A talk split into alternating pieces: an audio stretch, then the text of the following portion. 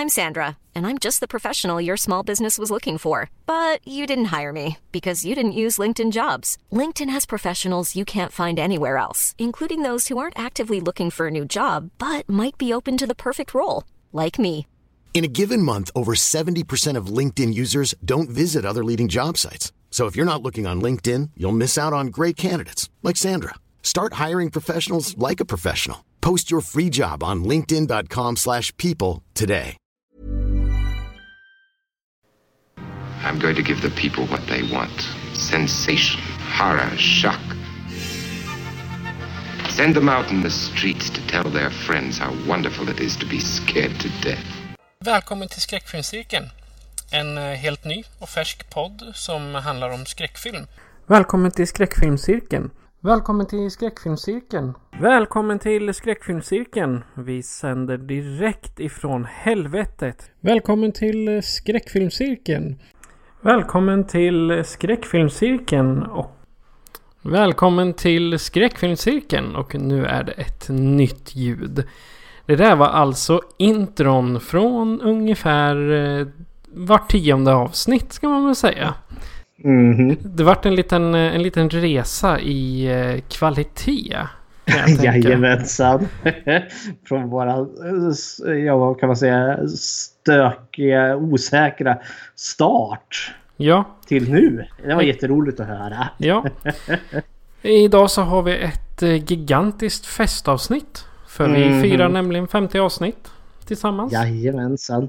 Vi, vi, vi, vi är garanterat, vi, vi firar garanterat medelålder just nu. Exakt. Fast medelålder det är vi redan vid 40 va? Ja, i alla fall inledande. Ja, För, den, den, den första medelåldern som man säger. Som jag närmar mig med stormsteg. Åh nej! Panik, panik. Jag, jag får citera min systerdotter. Du är gammal gubbe. Ja, jo, det, det är kört. Det är bara gräva ner sig. nu. Man står med ena foten i graven redan. Exakt. Eh, Jag tänkte, ska vi ta och skåla med varsin poddöl då? Jajamensan. Så jag tänkte, jag öppnar min först. Mhm. Ja, det vart inte så där himla trevligt ljud. Men eh, det är en Mariestad. Alkoholfri. Mhm. Vad har du? Nu ska vi se om det hörs här. Mm, det är ett pysljud vart ändå. Ja, Nej, jag fet glömde ju bort att det var 50 episods jubileum. Så det var, det var Ramlösa med smultronsmak Oh. som pyste till det här. ja men det, det är fint. Det, det är lyxigt det där. Men jag tänkte eh, istället för att, eh, eller för att ändra lite med inledningen här så tänkte jag vi kan ta en steg, eh, en tur down memory lane. Oh my god. Ja, och vilket eller vilka avsnitt eller händelser minns du som bäst? Som jag minns som bäst, eh, kära någon. Det var väl när man lyssnade om, eh, det är väl avsnitt tre. Precis i början där när vi höll på. Eh, avsnitt tre var väl varulvsavsnittet tror jag. Ja, Eh, och jag kommer ihåg att ja, men det kändes ganska bra. Man började bli lite mer ledig i, i språket. Men det var ju det avsnittet och tekniken strulade som allra värst.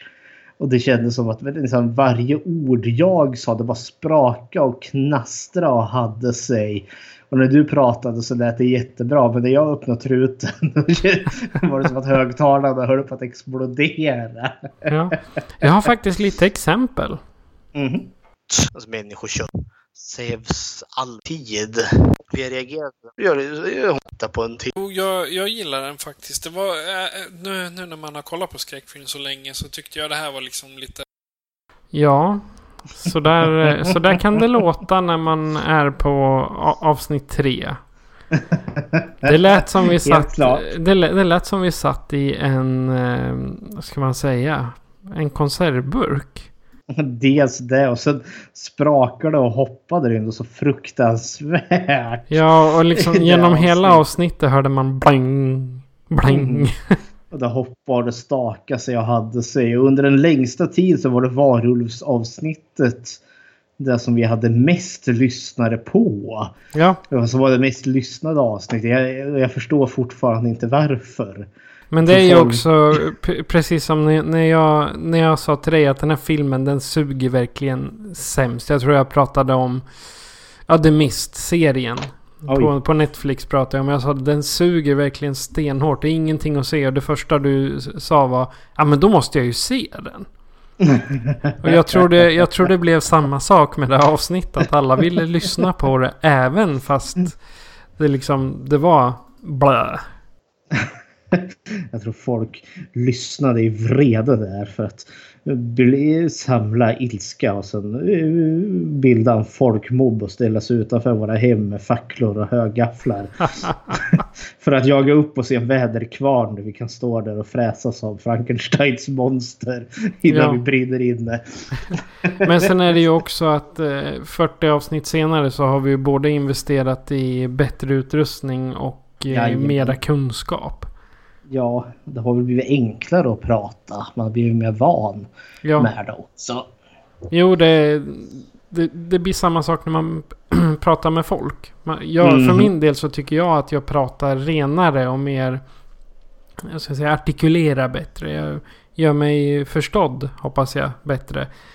Så här, man tränar Va, på att vad prata. Vad sa du? Jag förstod inte riktigt. Nej, exakt. Ah, ha, ha, ha, ha, ha, Förstår. Humorn är på så ofantligt hög nivå här så det är inte klokt.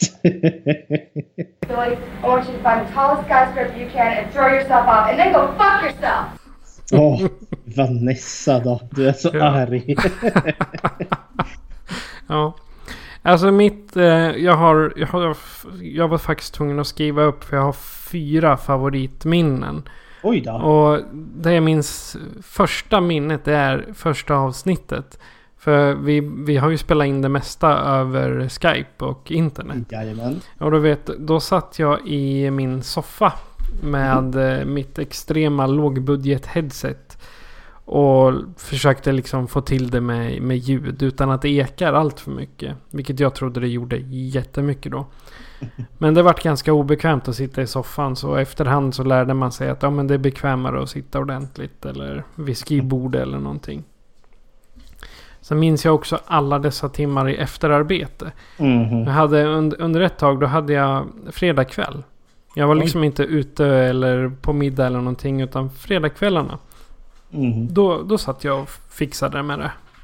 Ja, du, du är ju teknikern i den här poddsamarbetet. Du som, utan dig så hade vi inte hört någonting. Utan då hade det bara varit jag som sitter här och skriker i en mikrofon. utan att någon hade hört det. Ja, men sen också vart efter man vi har haft avsnitten desto mera har jag, eller desto mindre redigering har det krävt. Ja. Men ibland när man, eh, det har ju du också hört, när, när man spottar ur sig någonting mindre lämpligt eller om det smäller till eller puffar eller någonting. Då, då redigerar jag det innan vi publicerar. Mm.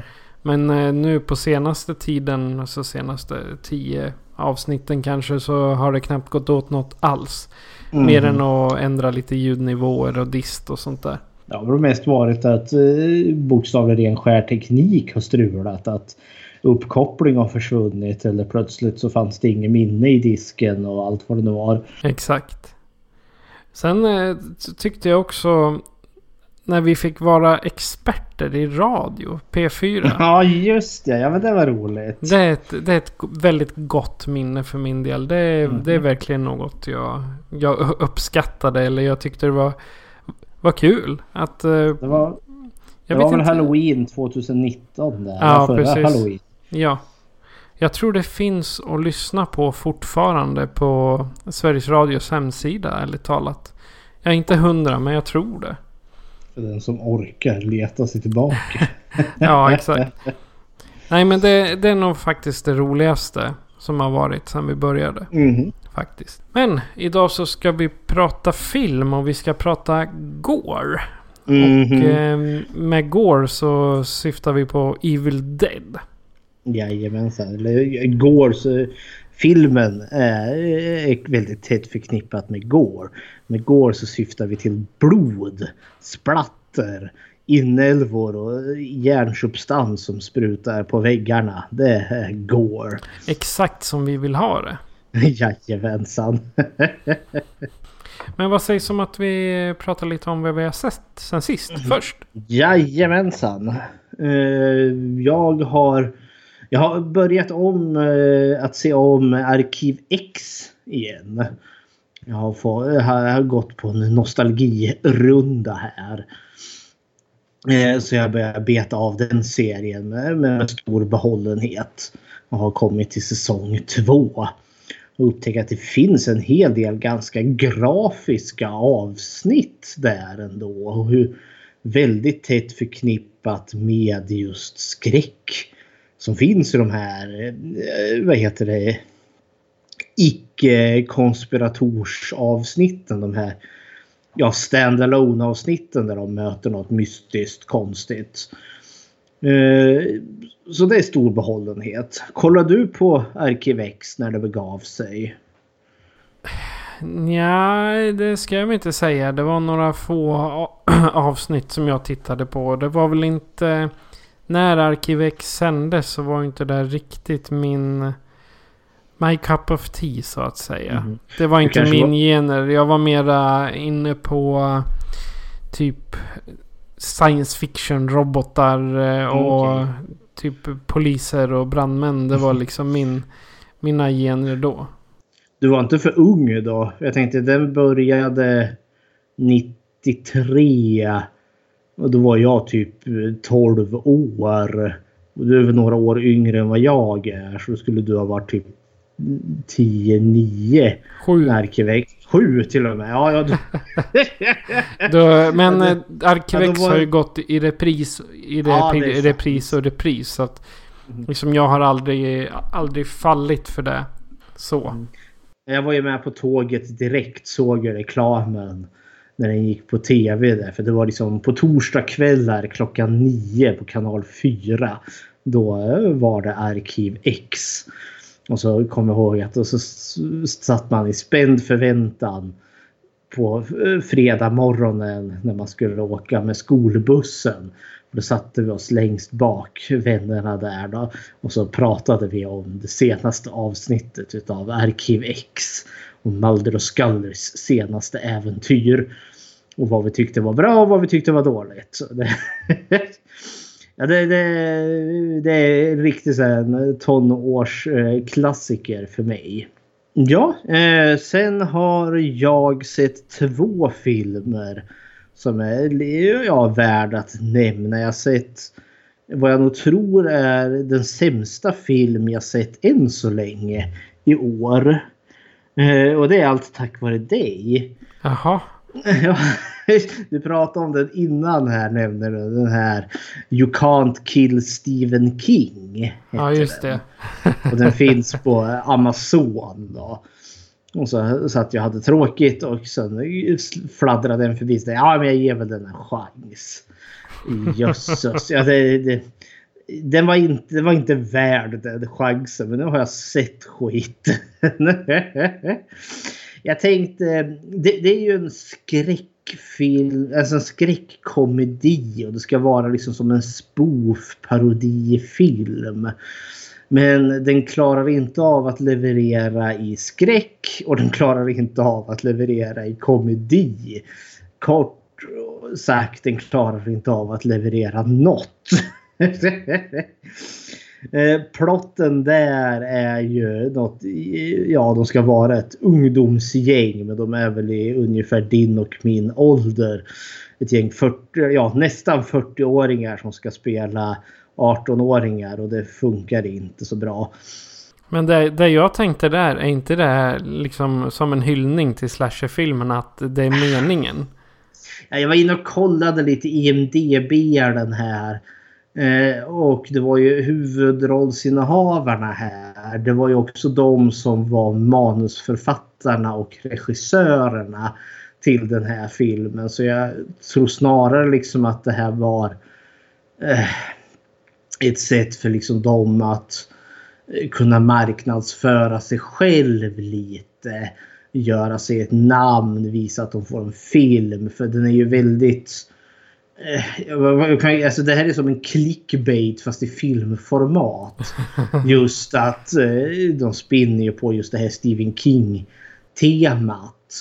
Eh, för jag menar det var ju det som gjorde mig intresserad av den måste jag ju villigt erkänna. Men den har ju väldigt lite av något som är liksom genuint Stephen King. Eh, och istället är det ju jättetråkig och tröttsam slasherfilm. Där de blir mördade en efter en utifrån då, vad heter det, mord som har skett i Stephen King-böcker. Men de har också valt de liksom mest obskyra böckerna som Eh, inte vet jag, de måste vara riktigt så inbitna hardcore fans. För jag är en ganska, jag är en riktig Stephen King homeboy. så, och jag hade inte riktigt koll på vad det var för böcker de refererade till. Och den, nej, alltså morden var tråkiga. Komedin var tråkig. Majoriteten av filmen gick ut på att de satt i ett rum och typ skrek på varandra. För de var mest för de var så in i bängen osympatiska och otrevliga karaktärer. Så jag kände bara gode gud dö någon gång så den här filmen kan ta slut. Mm. Filmen var en timme och 20 minuter så den var ju ganska kort. Men den kändes ungefär som det dubbla. och jag tror den här filmen gjorde det som är det värsta en film kan göra. Det var att den var tråkig. Rätt och slätt. Och den, eh, den stal ett eh, känt namn. Ja, alltså, och det var där den spann på. De hade ju kunnat gjort något kul. Med, med liksom en mördare som är besatt utav Stephen King. Men istället är filmen liksom en riktig snarkfest. Som aldrig liksom kommer igång. Och istället försökte liksom... Ja, istället var det som någon form av språngbräda för de här två killarna som spelar huvudrollen för att visa upp vilka skådespelartalanger de var. Eller är. Vilket de inte är. Så nej, den här floppade stenhårt och jag kände att det var en timme och 20 minuter av mitt liv som jag aldrig kommer få tillbaka. Den andra filmen jag har sett, jag såg filmen Crawl från 2019.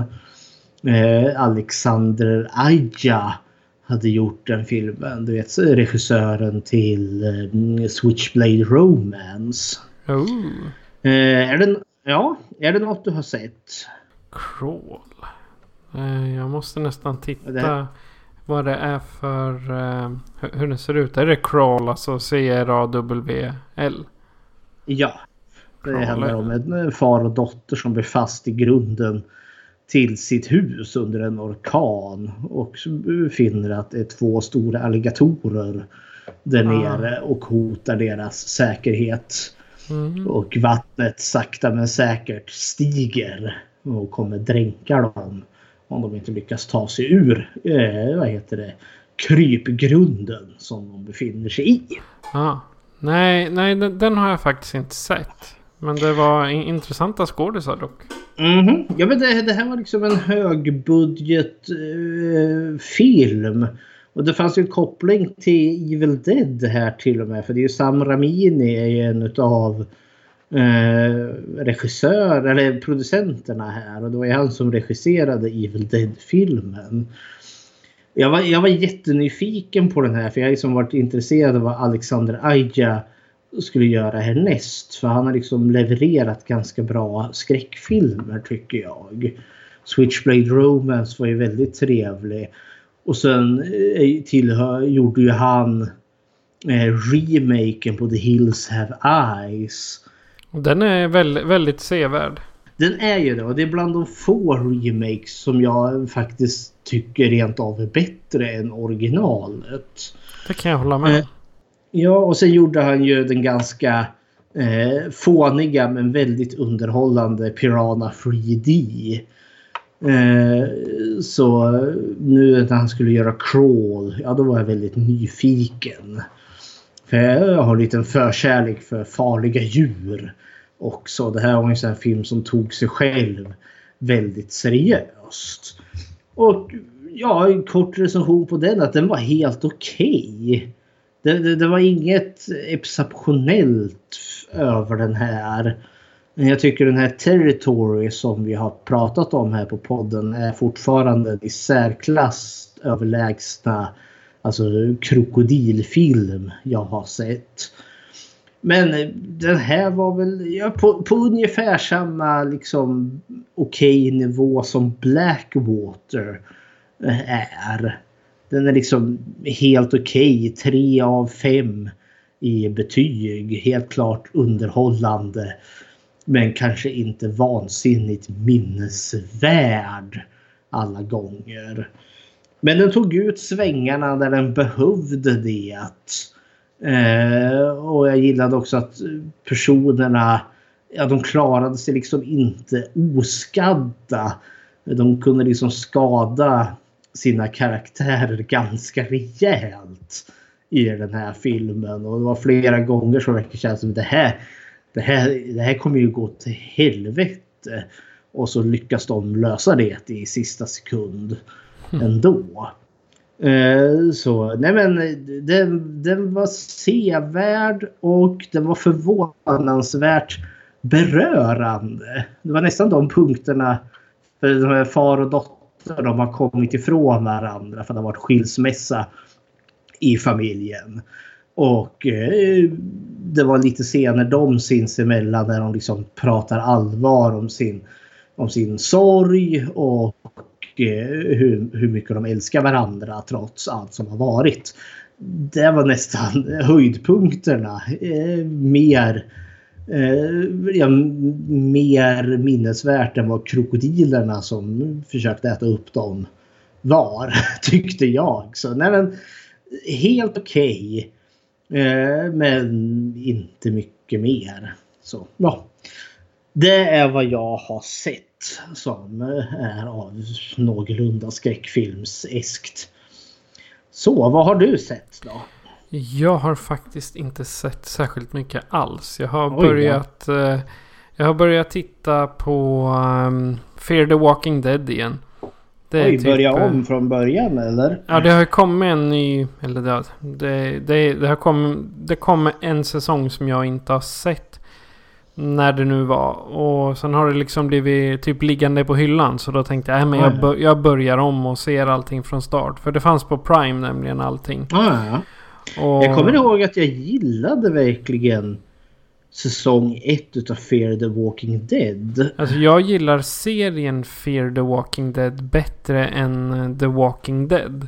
För jag är villig Fear... att skriva under på det. Ja, för i Fear är det mera... Det är inte drama, drama, drama, drama. Utan man får verkligen vara med om... Du får vara med om karaktärernas utveckling. Mm. Men det är inte det här att Zombies are not the dangerous human is. det är liksom... Det är inte det som är i centrum utan i Fear the Walking Dead så anser jag att det är mer i centrum hur de olika karaktärerna utvecklas under tiden. Och även om de har såna här... Eh, de har ju strider som de måste gå igenom liksom. Ja, du, nu i, i säsong... Jag är på säsong tre tror jag. Okay. Där när de har kommit till en ranch. Men då måste de skydda den ranchen mot andra människor. Eller mm. samarbeta med dem för mm. att liksom... Ja. Nej men det som jag kommer ihåg som är först... Jag har bara sett första säsongen. Eh, sen kom jag av mig. Men det jag kommer ihåg är att första säsongen har ju knappt några zombies med överhuvudtaget. Det är verkligen inte förrän i typ säsongsfinalen då zombisarna kommer och det med besked. Och där gillade jag liksom det här mänskliga dramat. För det här Fear the Walking Dead är väl liksom när zombieutbrottet kommer. Ja. Som, som Rick ligger i koma då i The Walking Dead. ja, precis. Så- Det här är ju liksom... Och sen samtidigt är det vad som hände på andra sidan landet. Mot Ja. eh, Mexiko. För jag tänker i, i The Walking Dead, där får vi ju följa Rick. Och han, när han vaknar då har ju liksom samhället fallit. I Fear the Walking Dead är, finns ju samhället fortfarande kvar när vi börjar. Och Ja. vi får ju följa liksom hur allt går åt skogen. ja, och hur Och det snabbt det går också. Det är det Ja. jag gillar. Och det gillar jag. jag kommer, det var ju mer militären som var hotet i, i första säsongen. När de liksom isolerar och eh, gör karantän. Och sen får vi också följa hur militären håller käpprätt att gå åt helvete. Och för att ja, de dör ju och blir zombies de också. Så, ja, nej, men jag, jag kommer ihåg att jag gillade Fear the Walking Dead. Så nu jag, känner jag att nu måste jag nog kanske också ta sig om Fear the Walking Dead. Ja, nej men det här med... Nej, det, det är karaktärsutvecklingen som, som jag föll för när det gäller Fear the Walking Dead. Så att The Walking Dead tröttnar jag efter fjärde eller femte säsongen. När det, Mm. liksom, det var inte zombies man slogs mot längre. Utan det, de människorna gav sig på varandra. Mm. Och då, då tröttnar jag liksom. Nej. Vi, vi skippade den så... ehm, Då fortsatte jag med Fear the Walking Dead. Och därefter har inte jag haft tid att titta på så mycket. För jag har haft hemester.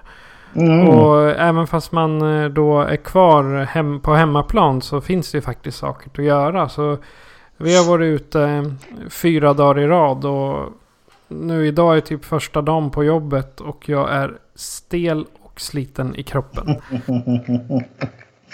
Så kan det vara. Ja. Då så. Eh, Du kan väl kanske förklara för mig vad Gore innebär och kanske lite historik också. Jajamensan. Då kan jag ju bolla över frågan till dig här då direkt. Vad tänker du när jag säger en gore-film eller en splatterfilm? Eh, Jag skulle säga... Switchblade Romance är en av splatterfilmerna jag tänker Mm. men... eh, Jajamensan, den skulle lätt falla in under gore och splatter. Ja. Det är ungefär så. Det är den jag kommer på på rak arm. Se där, ja, Evil Dead förhoppningsvis eftersom att vi ska prata om den. Ja, fast den, den räknas inte i fakta, faktadelen. Gore och splatter. Alltså gore är ju lite utav ett ord, liksom samling för just blod. Egentligen det, alltså vårt innanmäte. Egentligen våra inre organ. Alltså om, eh, för gore är ju liksom inte begränsat till sig bara just skräckfilmer. Utan säg som inledningen på, på Rädda meningen Ryan. Eh, Steven Spielbergs film där med eh, Tom Hanks i huvudrollen. Då har du ju landstigningen utav Normandie. Och där får du ju se när soldaterna blir liksom fullständigt sönderskjutna. Och eh, de får ju armar och ben avsprängda. Och jag har för mig att det är någon liksom soldat som har fått magen uppfläkt av något granatsplitter och så går han liksom och håller, försöker liksom samla upp sina inälvor som har ramlat ut. Och försöker liksom föra tillbaka dem in i, i hålet som är hans mage innan han faller död ner. Och det är just det här då liksom han, de avskjutna lemmarna, inälvorna som hänger utanför blodet. Det är väl lite det som man skulle kunna kalla för gore. Eh, och blod i film eller i olika filmgenrer behandlas ju liksom på lite olika sätt. Jag tänker actionfilmer kan vara ganska blodiga men då är det ju i regel liksom du vet när pistolen, när någon blir skjuten så ser man hur den personen blir träffad och så har den där liksom blodsquidden som exploderar under, under tröjan eller något sånt där. Eller man får se ett kulhål eh, uppstå i någons panna eller något sånt där. Eh, Medan thriller är ju liksom lite mer Ja men det, det kanske är det avskurna halsar. eh, kanske efteråt man hittar ett dött lik. Eh, Medan skräckfilm är ju mer, det får vi ju kanske mer följa när alltså den våldsamma döden sker. Och på skräck så är det ju inte jag tänker som kontra actionfilmer där du också får se väldigt många människor dö. Men i skräck då är det ju liksom mer kanske fokus på diverse tillhyggesvapen. Alltså yxor, knivar, machetes. Det kanske det är tänder, det är klor, eh, tentakler, andra vassa redskap som på ett eller annat sätt perforerar kroppen. Eh, och det brukar vara väldigt mycket blod när det så händer. Och jag hittar här då en filmkritiker som heter Michael Arnsen. Eh, han hade ett litet citat här då angående just eh, går och splatter i film. Framförallt skräckfilm då. Det är att en typisk skräckfilm eh, oftast berör skräck, alltså den övernaturliga skräcken. Eh, skräcken för det okända, skräcken för, för det som finns i mörkret, det som vi inte kan se. Medan en splatterfilm mer fokuserar på den fysiska kroppen och snarare eh, vad heter det, förintelsen utav kroppen och den smärta smärta som måste medfölja när kroppen blir förstörd. Eh, och det blir då samtidigt också ett väldigt visuellt medium. Alltså för eh, det kräver sina specialeffekter. Ska en hand eller arm huggas av då måste ju liksom vi ha en, en specialeffekt som vi får se det. Så det är då samtidigt istället för att fokusera på det övernaturliga så fokuserar det mer på, på kroppen och förintelsen av den. Eh, och där, som han Michael Arntzen också brukar säga, eh, eller citerar om splatterfilmer, att där de flesta skräckfilmer brukar tendera att ändå återställa den sociala och moraliska ordningen där det goda triumferar över det onda så brukar splatterfilmer frossa i en brist på ordning. Där återställs aldrig ordningen. Jag tyckte att det passar ganska bra till just Evil Dead som vi ska prata om sen. Så där, nu fick du ett väldigt liksom långt och convoluted eh, vad heter det, svar på vad splatt återgår kan vara. Känner du dig klokare? Jo då, jo då jag känner mig hyfsat klokare. Men då så, då tänkte jag att jag skulle göra en liten resa då i liksom just hur blod och våld, eller framförallt hur blod och slafs har då porträtterats på film. Och vi går så långt bakåt i tiden att vi eh, rent av hamnar före, eh, ja nästan före filmeran. Eh, för vi vet ju att eh, man kan säga att den, eh, filmens födelse kommer ju med bröderna Lumière där 1895. Men eh, några år senare, 1897, är det nämligen ett teatersällskap i Paris. Oh la la!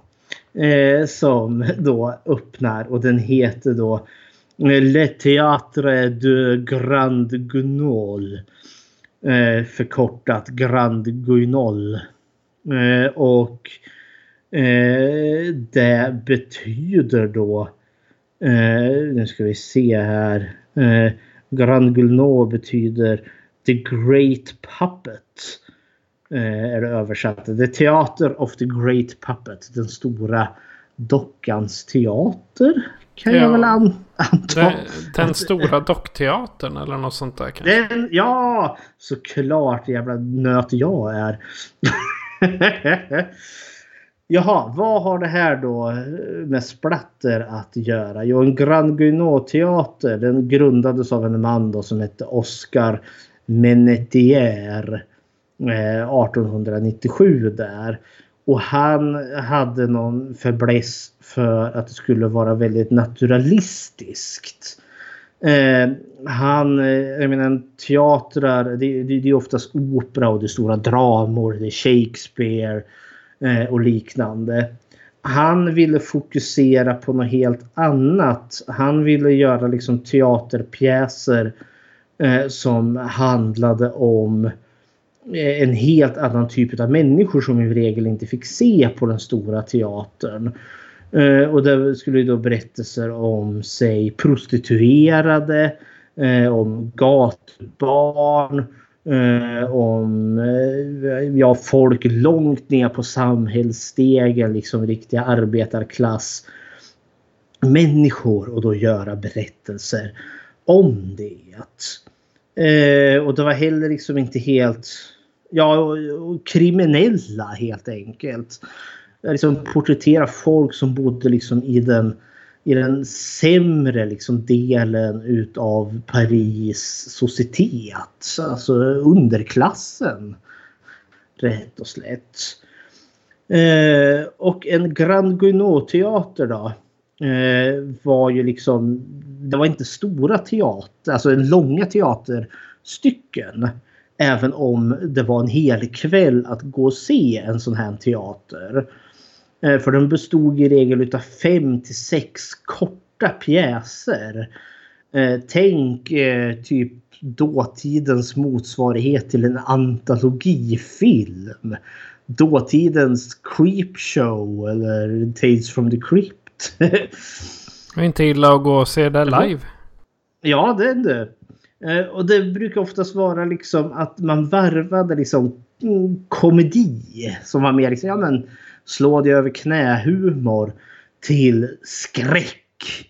Eh, och det kallades då för the hot and cold showers. För heta och kalla duschar. För att liksom eh, publiken skulle liksom riktigt bli så helt om, eh, omkull, ja, men helt omkull, vad heter det, omskakade. Eh, och eh, skräcken då, den kom ju då verkligen in i att vi, vi porträtterade mer verklig skräck. Det var liksom inte monster, det var inte vampyrer och varulvar. Utan det var i regel berättelser om typ girighet och kriminalitet och eh, seriemördare som mördade prostituerade och sådana saker. Och då var det ju liksom då med teaterrekvisita eh, Eh, så visade man ju mord på eh, vad heter det, teaterscenen. Då. Och då hade man ju men alltså, rekvisita med knivar då som det själva knivbladet liksom fälls in i kniven när det trycks åt. Och så var ju då personen som skulle bli knivhuggen preparerad med att ha typ en påse med typ grisblod under tröjan så att det såg ut som att man var knivhuggen i bröstet och blodet bara sprutade ut. Eller visa giljotineringar. Då hade man väl då en giljotin och så hade man väl en docka som man lät preparera så att när bladet föll över nacken så sprutade blodet ut och sen vred man giljotinen så att den vände sig mot publiken så att blodet skvätte över dem. och vi får faktiskt en återkoppling till vårt absolut första avsnitt när vi pratar om en film. Vårt vampyravsnitt eh, i En vampyrs bekännelse. För om du kommer ihåg det, Brad Pitt och... Och hjälp, vad heter hon? Antonio Banderas. Nej, ja, jo, Antonio Banderas är vampyren de möter. Eh, men jag tänker hon lilla tjejen där, hon var ju med i Spiderman. Eh, jag måste... Men det är ju förfärligt. Jag söker Spiderman på IMDB och det första som kommer upp är en jävla tv-serie från 78 hur går det ihop? Kirsten Dunst, så hette hon. Ja, just en det. ung Kirsten Dunst. När de möter då Antonio Banderas vampyr just i Paris. Så vampyrerna gömmer ju sig på en teater. Och spelar ju ett teater, ganska makabra teaterpjäser för en publik. Och de mördar ju faktiskt en kvinna. I det här fallet mördar de ju henne på riktigt. Men det fattar ju inte publiken. För att de är just på då Grand Guignol teater. Så ja, det är en kul återkoppling. Men här, det här höll på ganska länge. Alltså det grundades 1897 eh, och eh, det som är då samma organisation möter då sitt slut 1962. Så de fanns ganska så länge.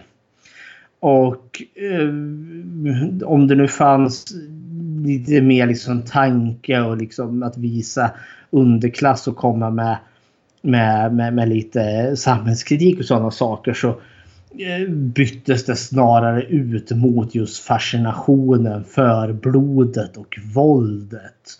Så i slutändan var det ganska innehållslöst blod och slafs egentligen. Så det, det, liksom, det, gick, det, det intelligenta försvann och ersattes mest i ett frosseri utav eh, blod.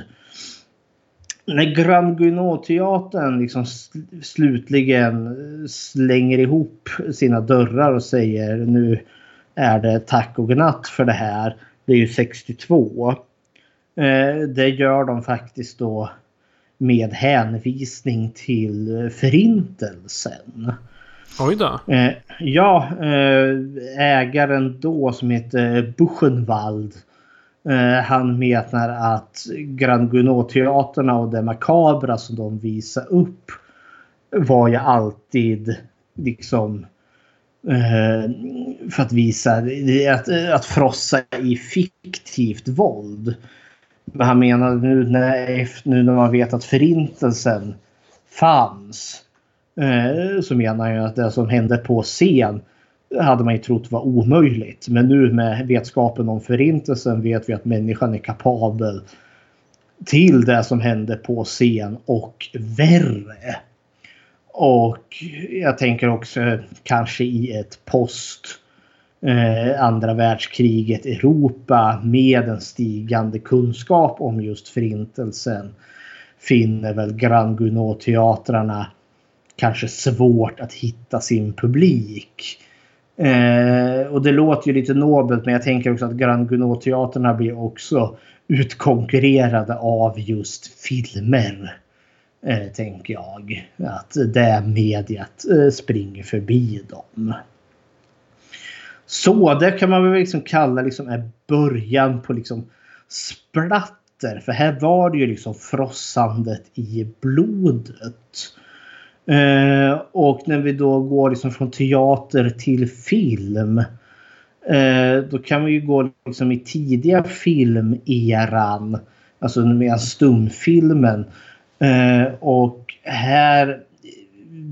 Jag menar filmmediet är ganska obegränsat till en början. Det tar ju inte förrän 1934 tror jag det var då den så kallade Hayes-koden kom in. Den som grundades av den katolska moralgruppen eh, med det helt fantastiska namnet Legion of Decency. Legionen utav anständighet. Som kom inrusandes och sa men usch! Vad är det för snusk vi ser på film? Det går inte för sig. Men innan det så har vi inte en sån stark alltså filmcensur. Eh, och det visas då, för när man tänker svartvita gamla filmer, då jag kan inte påstå att jag tänker naket och blodigt våld. Eh, men går man liksom innan 34, innan Hayes-koden, ja då finns det faktiskt lite mer blod och naket än vad man kunde tro.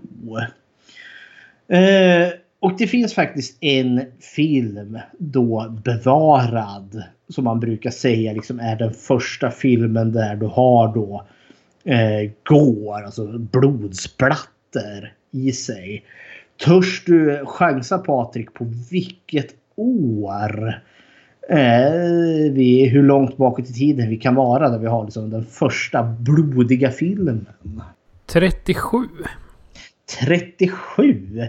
Hur tänkte du nu då? Jag hintade ju lite om att Hayes-koden kom där 34 och satte effektivt punkt på allt vad blod var. 34, nu tänkte jag 44. Nej men säg 20, 29 då. 29, det var ett bättre förslag tycker jag. Nej, 1916 har vi då D.W. Griffin. Det är då filmregissören. Han gjorde en film då som heter Intolerance. Ja, så fel eh, hade jag ju inte då. Nej, eh, och eh, du missar väl det med, vad var det, 14 år bara. Nej, men I den filmen så har du då två halshuggningar som du får se. Eh, då liksom huvudet separeras från kroppen med ett svärd. Och du får också se en soldat då som är barbröstad. det är liksom det är svärd och sandaler film här. Liksom. Nu porträtterar något gammalt krig back in the days. Och så får du se en man där de är bar överkropp. Då, som spjut in, intryckt i sitt bröst med blod som väller upp där. Då. Oh no! Oh no! Och det finns också en film som heter Den andalusiska hunden. Ja, är det där Vars... de eh, skär ett öga eller? Jajamensan. Eh, jag har ingen aning om... Jo, 1929. Så nu, nu kommer det årtalet tillbaka. Ja, och det var väl en Dalí-film. Ja, Salvador Dalí. Och det är mer som en konstnärsfilm. Där vi får se en man då som skär eh, en kvinna i ögat med ett rakblad. Och det är ju snarare som att vi har en hel bild på den här kvinnan. Eh, och man ser mannen spärrar upp hennes ögon och så kommer, eh, sätter han rakkniven långsamt mot henne. Och sen är det då klippt till ett jättestor inzoomning där vi liksom bara ser nästan bara ögat. Och sen då rakkniven som skär in i ögat. Och så vitt vi har förstått så är det ju då ett koöga som han då har införskaffat hos slaktaren. Eh, och satt på någon skyltdocka eller något sånt där som de har gröpt ut. Eh, men i, i övrigt där så har du ju inte så mycket liksom säg blodsplatter. För sen kommer ju som sagt Hayes-koden. Eh, som effektivt sätter stopp för det här. Och Hayes-koden var ju egentligen, jag tror vi, jag tror vi pratade lite om Hayes-koden i vårt videovåldsavsnitt. Eh, så vill man veta mer om det så kan du ju vända tillbaka till det. Eh, och du kanske har koll på vilket avsnitt det var till och med. Videovåldsdebatten. Det var faktiskt vårt längsta avsnitt någonsin. och det är ju föregångaren till Motorsågsmassakern. Så det var avsnitt 35. 35. Den 30 ja. november för att vara exakt. Ja, för då pratade vi just då om filmcensur. Och därefter eh, så var vi i radio. Det var vi radio sen. Eh, och filmcensuren var ju egentligen mer förknippad med eh, sex. Eh, på den här tiden. Men våld försvann ju också. Och eh, det vart ju liksom en lång era utav blodlöst våld. Och folk som dör utanför bild. Eh, men eh, så skutte... Eh, självklart fanns det väl några undantag om man eh, letar. Jag kommer ihåg att jag såg den här filmen The Brain That Wouldn't Die. Eh, från ja, 62 där. Den hade lite blod i sig. Det sket sig för jag trodde det var en 50-talsfilm. Eh, så ja, för 60-talet är nämligen då blodet kommer tillbaka. Eh, och eh, många brukar säga att den moderna skräckfilmen startar ju med Alfred Hitchcocks Psycho. Brukar man ju säga. Då han liksom sätter ett helt nytt liv i, i skräckfilmen. Eh, och är ju Hitchcocks första riktiga skräckfilm. Och det är ju då framförallt duschmordet eh, som gör det. Eh, men lite innan där så hade vi ju ett brittiskt bolag. Det var ju det Hammer Film Production. Eh, kanske mest förknippat med då Christopher Lee som spelar Dracula. Eller Peter Cushing som eh, Dr. Frankenstein. För de var ju liksom den brittiska motsvarigheten till Universal Horror. Som då gjorde om Dracula och Frankenstein eh, berättelserna på film. Fast nu i färg. Och med lite mer lite mer vågad sex. Kvinnorna har liksom lite, de har lite större urringning så man kan liksom se själva urringningen. För det kunde man inte innan. Och så får du se blod i de här filmerna. Dun, och då är det ju väldigt, och då är det ju väldigt eh, överdrivet röd färg. Alltså det är ju liksom nästan pastellrött. Det är ju så att det, var... det ska synas att det är fake. Ja, eh, och det var väl också det som då gjorde att man kunde komma ifrån det. Alltså det är ju inte direkt så att liksom blodet står i fontäner i de här filmerna. Men nu liksom som i The Horror of Dracula som är den första filmen, eh, Hammer, Hammer Production-filmen då Christopher Lee spelar Dracula. Som säger efter att han har bitit en kvinna i halsen. Och så tittar han upp igen så får man ju se blod i hans mungipor. Eh, och eh, två liksom vampyrhål eh, i hennes hals där det rinner några droppar blod. Eh, och det är ju ganska tamt kanske för oss. Men ska man komma ihåg att här liksom har vi haft en svartvit era där man inte fick se blod alls. Men eh, så det kommer lite sakta men säkert. Ehm, och, eh, men på 60-talet då får vi en riktig, då får vi kanske den första riktiga splatterfilmen 63 som då heter Blood Feast gjord av Herschel Gordon Lewis. Och kommer du ihåg, vi har ju sett den här filmen i skräckfilmscirkeln. Så den, den kommer att komma framöver. Om, eh, vad var det, den här Egypten som ska återskapa The Blood Feast. Eh, genom att hacka ihjäl massa eh, kvinnor. Eh, hugga av dem armar och ben och plocka ut hjärnorna och allt vad han nu gör. Eh, var du med när vi hade det här förresten? Blood Feast of... Ja, det var jag säkert. Det är inte många avsnitt jag har missat. Nej. Men alltså det är ju en riktigt så här lågbudget eh, film Herschel Gordon Lewis gjorde. Den, eh, jag tror den var gjord för kanske typ 24 000 dollar.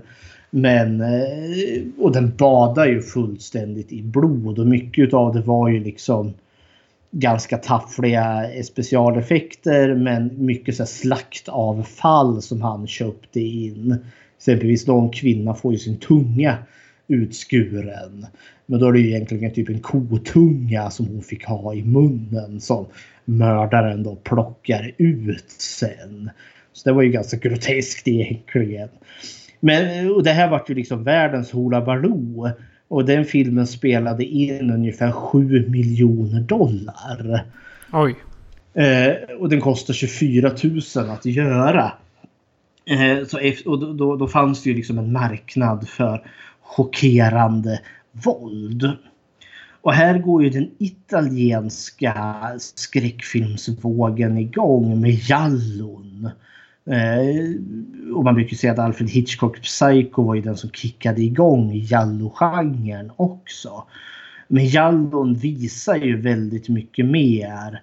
Och Jallon det är ju liksom, ja det är ju föregångaren till slash, de amerikanska slasherfilmerna.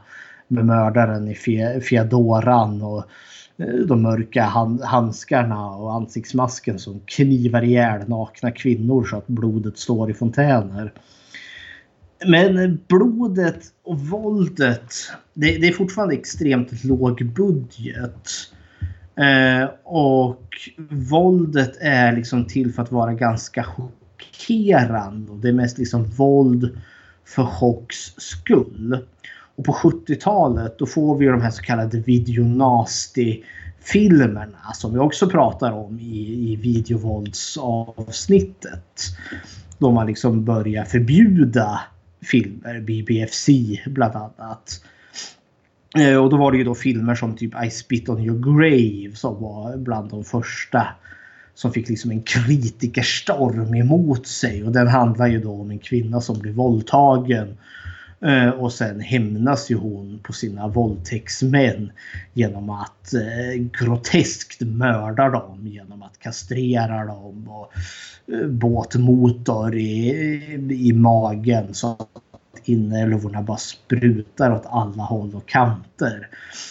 Men tonen är liksom rå eh, och människosynen är liksom människan är vidrig, eh, förtappad och hemsk.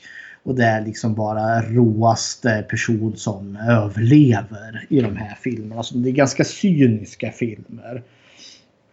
Och det är där Motorsågsmassakern hamnar ju in under det här paraplyt också. Även om jag inte skulle hävda att Motorsågsmassakern är en splatterfilm. Eh, eller vad säger du? Åtminstone den första Motorsågsmassakern. Ja, den första är nog splatterfilm.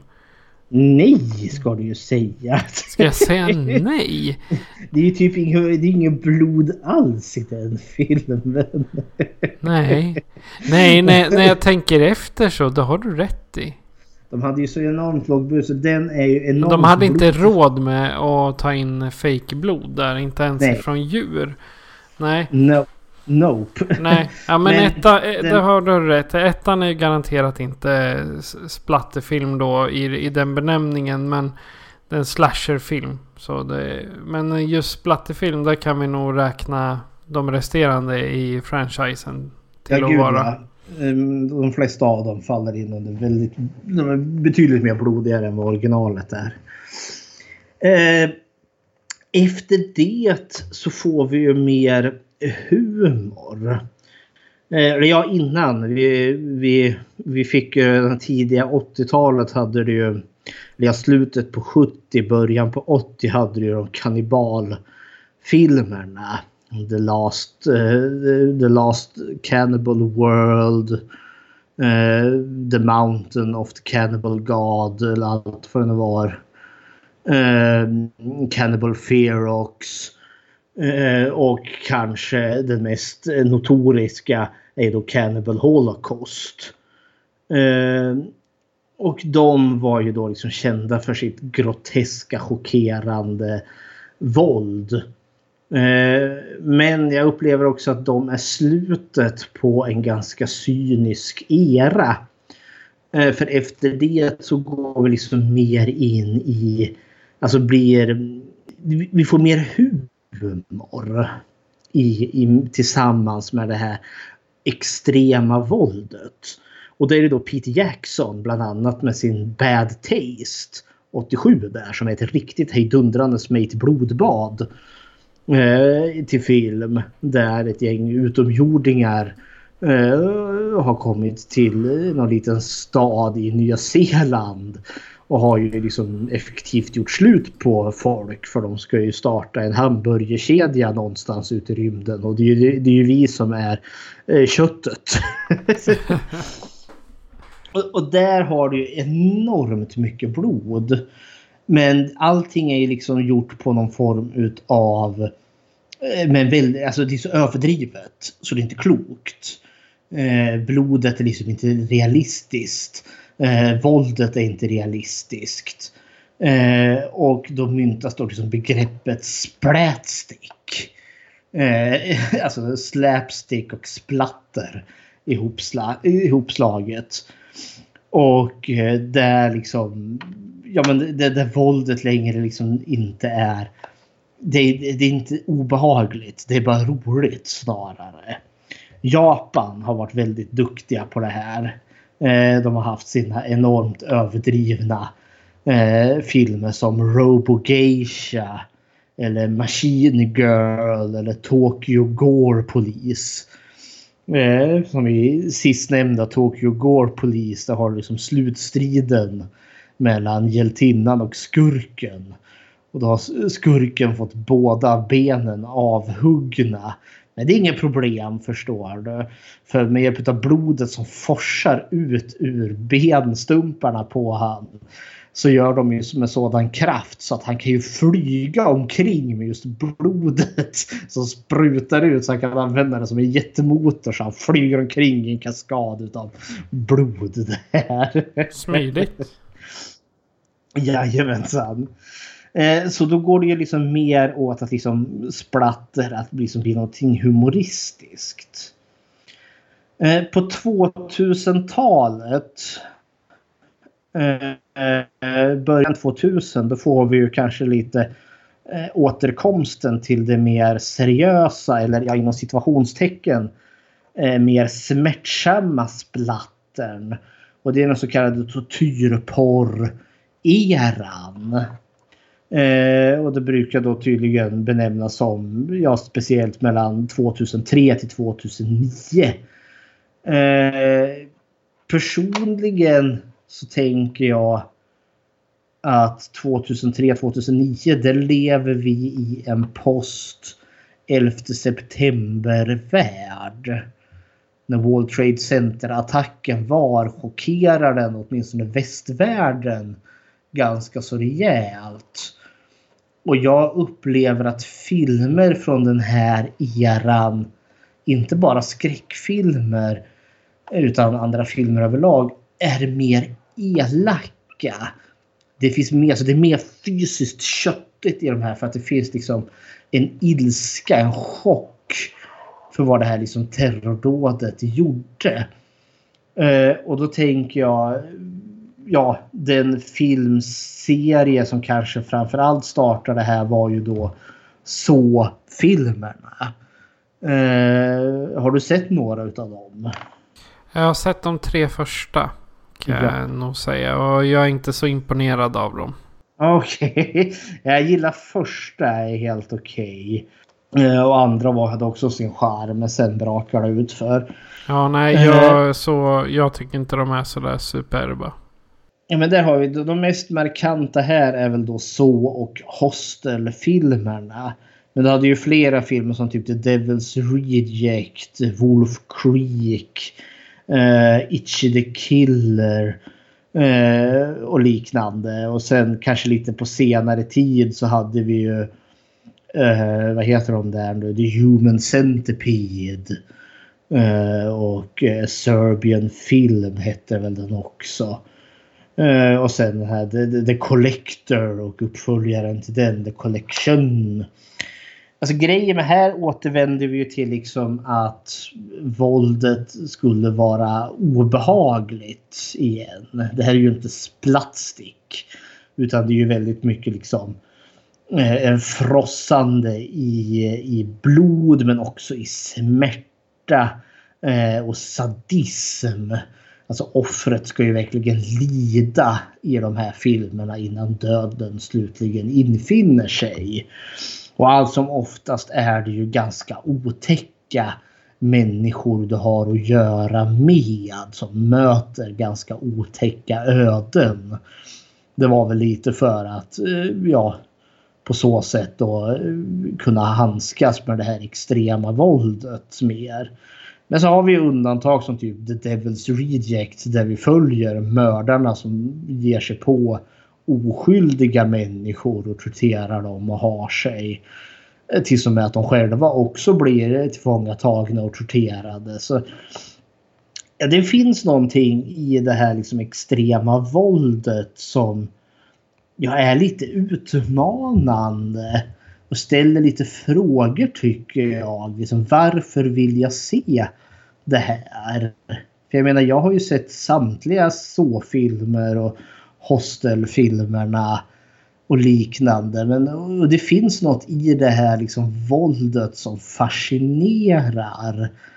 Och samtidigt är varken så eller Hostel filmer som jag känner någon jättestor lust till att återvända till. jag återvänder hellre till fredagen den 13 eller Terrorn på Elm Street eller eh, Insidious-filmerna än vad jag gör de här ganska blodiga eh, filmerna. Eh, vad säger du Patrik? Alltså jag är ju inte... Jag gillar inte våldsporrfilmerna överhuvudtaget. Det Nej. ingen utav dem. Utan det, det, det är samma med... eh, Vad heter det? Som jag tittade på förra gången. The Purge. Jag, Ja. Det är det när det är Home Invasion och eh, sån våldsporr. Det är inte min... Nej, that's not my cup of tea som man säger i England. Jag Mhm. föredrar liksom slasher eller monster eller psyk- psykologiska filmer. Mhm. Nej, alltså att titta på när folk misshandlar, eh, dödar, sågar eller allt vad de nu gör i hostel. Det kan man göra om man sitter på en extrem ilska. Men det gör inte Mhm. jag. Utan jag vill ha det här, det falska. Den eh, maskbeklädda mördaren eller de, den psykopatiska mördaren och så vidare. För jag har ju ingenting emot liksom våld på film. Nej, Men jag faller nog gärna liksom mer in på... Ja men säg som våldet i fredagen den 13. Jag menar folk dör ganska brutalt i de filmerna. Eh, Men det är ganska plötsligt och även om Jason typ kapar huvudet på någon så är det liksom inte att eh, själva det liksom brottet, kapningen utav huvudet är, kommer snabbt och det är pang. Det är inte så att Jason håller det skrikande offret medan han långsamt sågar av huvudet liksom centimeter för centimeter. Och vi liksom får följa varenda blodig liten detalj. Men där vet vi också att han är där för han, han är bara en mördare. Han, han kan ingenting annat. Mhm. Han hämnas sin mor. Men Mhm. ta som hostel eller så. Så anser att han straffar folk som har syndat.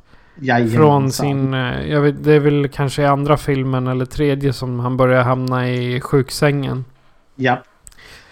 Och i hostel då är det ju bara det här sjuka att är du rik då kan du köpa smärta till någon Mhm. annan. Men i fredag den 13 Halloween, Hellraiser, de här. Där kommer ju våldet på grund av den karaktären. Alltså det är Jason som vill begå. Det är Mike, Michael Myers som vill begå morden. Det är Cenobitesen som kommer och hämtar dig ifrån jorden när du har varit dum. Liksom. De, det, det är inte bara för att de kan utan det är liksom det är vad de ska göra. De har, det, Mm. de har det som en kallelse eller vad man ska kalla det. Och Hellraiser är ett ganska bra för det är ju väldigt våldsamma filmer. Men blodet, splattret i de filmerna upprör mig inte riktigt på samma sätt som Hostel och så Nej. gjorde. Eh, och det är väl kanske just, jag vet inte, det är någonting i själva tonen i filmen. Jag tänker det är lite som, vi såg ju Eden Lake. Eh, den skulle inte jag benämna som en splatterfilm men som har samma råa ton som säg Hostel och kanske så har. Och den blir ju ännu roare eftersom huvudpersonerna eller huvudskurkarna där är barn. Ja, till råga på allt. Och det är kanske själva tonen i kombination med det här extrema våldet och smärtan som porträtteras som gör den obehaglig. För jag menar våldet i fredagen den 13 då följer vi ganska liksom bubbliga tonåringar som plötsligt möter sitt våldsamma öde. Det är ju i regel inte förrän sista överlevande tjejen som ens blir medveten om att Jason finns där. Som i Hostel däremot, där har du ju liksom den sista... eller Jag menar, ingen där dör en långsam eller plötslig död. Utan där är det ju liksom de här galningarna som ska karva i någon i minst 10 minuter innan de slutligen dör. Men eh, ja, det har väl sin charm det med, tänker jag. Men det är inget jag gillar utan jag vill ha de här Det, det som jag sa tidigare. Jag vill ha den maskbeklädda mördaren som Mhm. sågar ihjäl någon. Eller drar ner dig i helvetet. Eller Mhm. Har mommy issues liksom. Ja. Det, det här med att bara begå våld för att du kan. Det är Mm. liksom...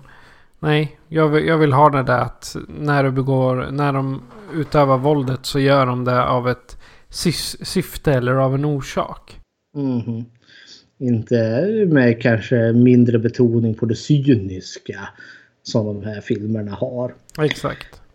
Ja, men det är väl liksom en, en vandring inom splatter och slash, eller slash, nu ska du få höra. Går och splatter skulle jag säga. Eh, och grejen liksom, går kan ju verkligen uppstå i alla filmer. Jag menar fredagen den 13 har sina gore-effekter. Eh, till och med James Bond-filmerna har ju gore. När liksom vi får se någon, få, inte vet jag, bli skjuten i bröstet med James Bonds laserklocka. Så, det, så det finns ju liksom i alla filmer. Men det här är ju liksom de filmerna som verkligen har verkligen frossat i eh, det som är våra insidor. Eh, när det som är våra inre organ plötsligt hamnar på utsidan. Eh, och fascinationen eller äcklet kring det. Så eh, jag tänker att så här långt eh, i filmhistorien så har nog splattret kommit för att stanna. Och den senaste var ju då tortyrporr-eran där 2003 till 2009. Så får vi se om det kommer tillbaka någon blod och slafsvåg här framöver. Jag hoppas på en bättre remake av Fredag den 13 än den eh, rebooten som kom. ja, det, Allt, allt blir bättre. allt blir bättre. ja, men det var väl lite vad jag hade om eh, tankar kring splatter och eh, gore på film. Ja, mycket intressant. Så eh, då tycker jag vi utan vidare kommentarer går vidare till dagens film som är Evil Dead från 1981. Och här kommer en trailer.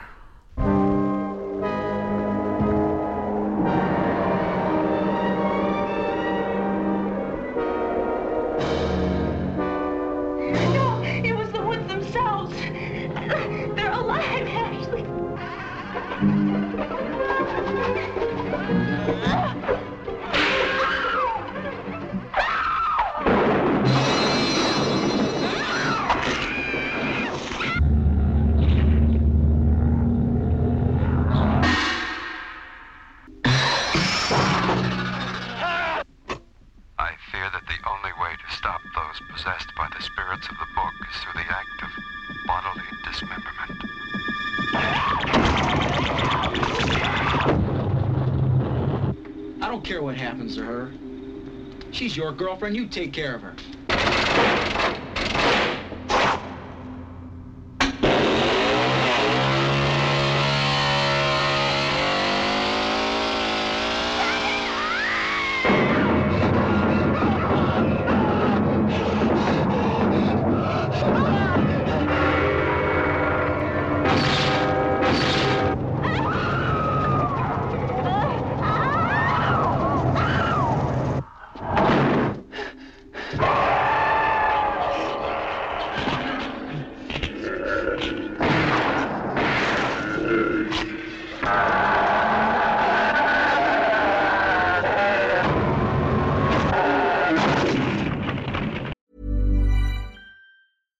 Thought the only way to get a more defined jawline with natural looking results was through surgery, think again. Juvederm Volux XC is a non surgical injectable gel filler that improves moderate to severe loss of jawline definition and can help you achieve natural looking results with little downtime. Even better, this improved definition lasts up to one year with optimal treatment. No maintenance required. Improve jawline definition for a smooth, sculpted look with Juvederm Volux XC. For important safety information and to find a licensed specialist, visit juvederm.com. That's J U V E D E R M.com. Not for people with severe allergic reactions, allergies to lidocaine, or the proteins used in Juvederm. Common side effects include injection site redness, swelling, pain, tenderness, firmness, lumps, bumps, bruising, discoloration, or itching. There's a risk of unintentional injection into a blood vessel, which can cause vision abnormalities, blindness, stroke, temporary scabs, or scarring. Talk to a licensed specialist to find out if it's right for you. This Mother's Day, celebrate the extraordinary women in your life with a heartfelt gift from Blue Nile. Whether it's for your mom, a mother figure, or yourself as a mom, find that perfect piece to express your love and appreciation. Explore Blue Nile's exquisite pearls and mesmerizing gemstones that she's sure to love. Enjoy fast shipping options like guaranteed free shipping and returns. Make this Mother's Day unforgettable with a piece from Blue Nile. Right now, get up to 50% off at BlueNile.com. That's BlueNile.com. Manusförfattaren Sam Raimis banbrytande debut är en blodsdrypande uppvisning i fasa och mardrömslika effekter som har förtjänat sin status som legendarisk skräckklassiker. Fem collegestudenter beger sig till en avlägsen stuga i skogen och råkar väcka en ohygglig ond kraft som är fast besluten att döda dem. Just det. Med nyligen digitalt förbättrad bild och mängder av fantastiskt bonusmaterial så har jag en Blu-ray i handen. Från eh, ja, specialutgåva. Oj då, den, så ja, fancy. Det, det, ja, det, det, står på baksidan. Hours of spine tingling special features. Wow. Så det var den baksidan jag läste. Härligt. Vad är dina tankar om Evil Dead från 1981? Regisserad ja. av Sam Raimi. Det här är för mig lite av de... Jag mina liksom start skräckfilmer, alltså när det väl började bege sig. När jag liksom började upptäcka skräckfilmer på riktigt. Liksom i 14-15 eh, års ålder där. Och The Evil Dead. Jag tror jag hade sett Army of Darkness innan den tredje filmen. Stackare.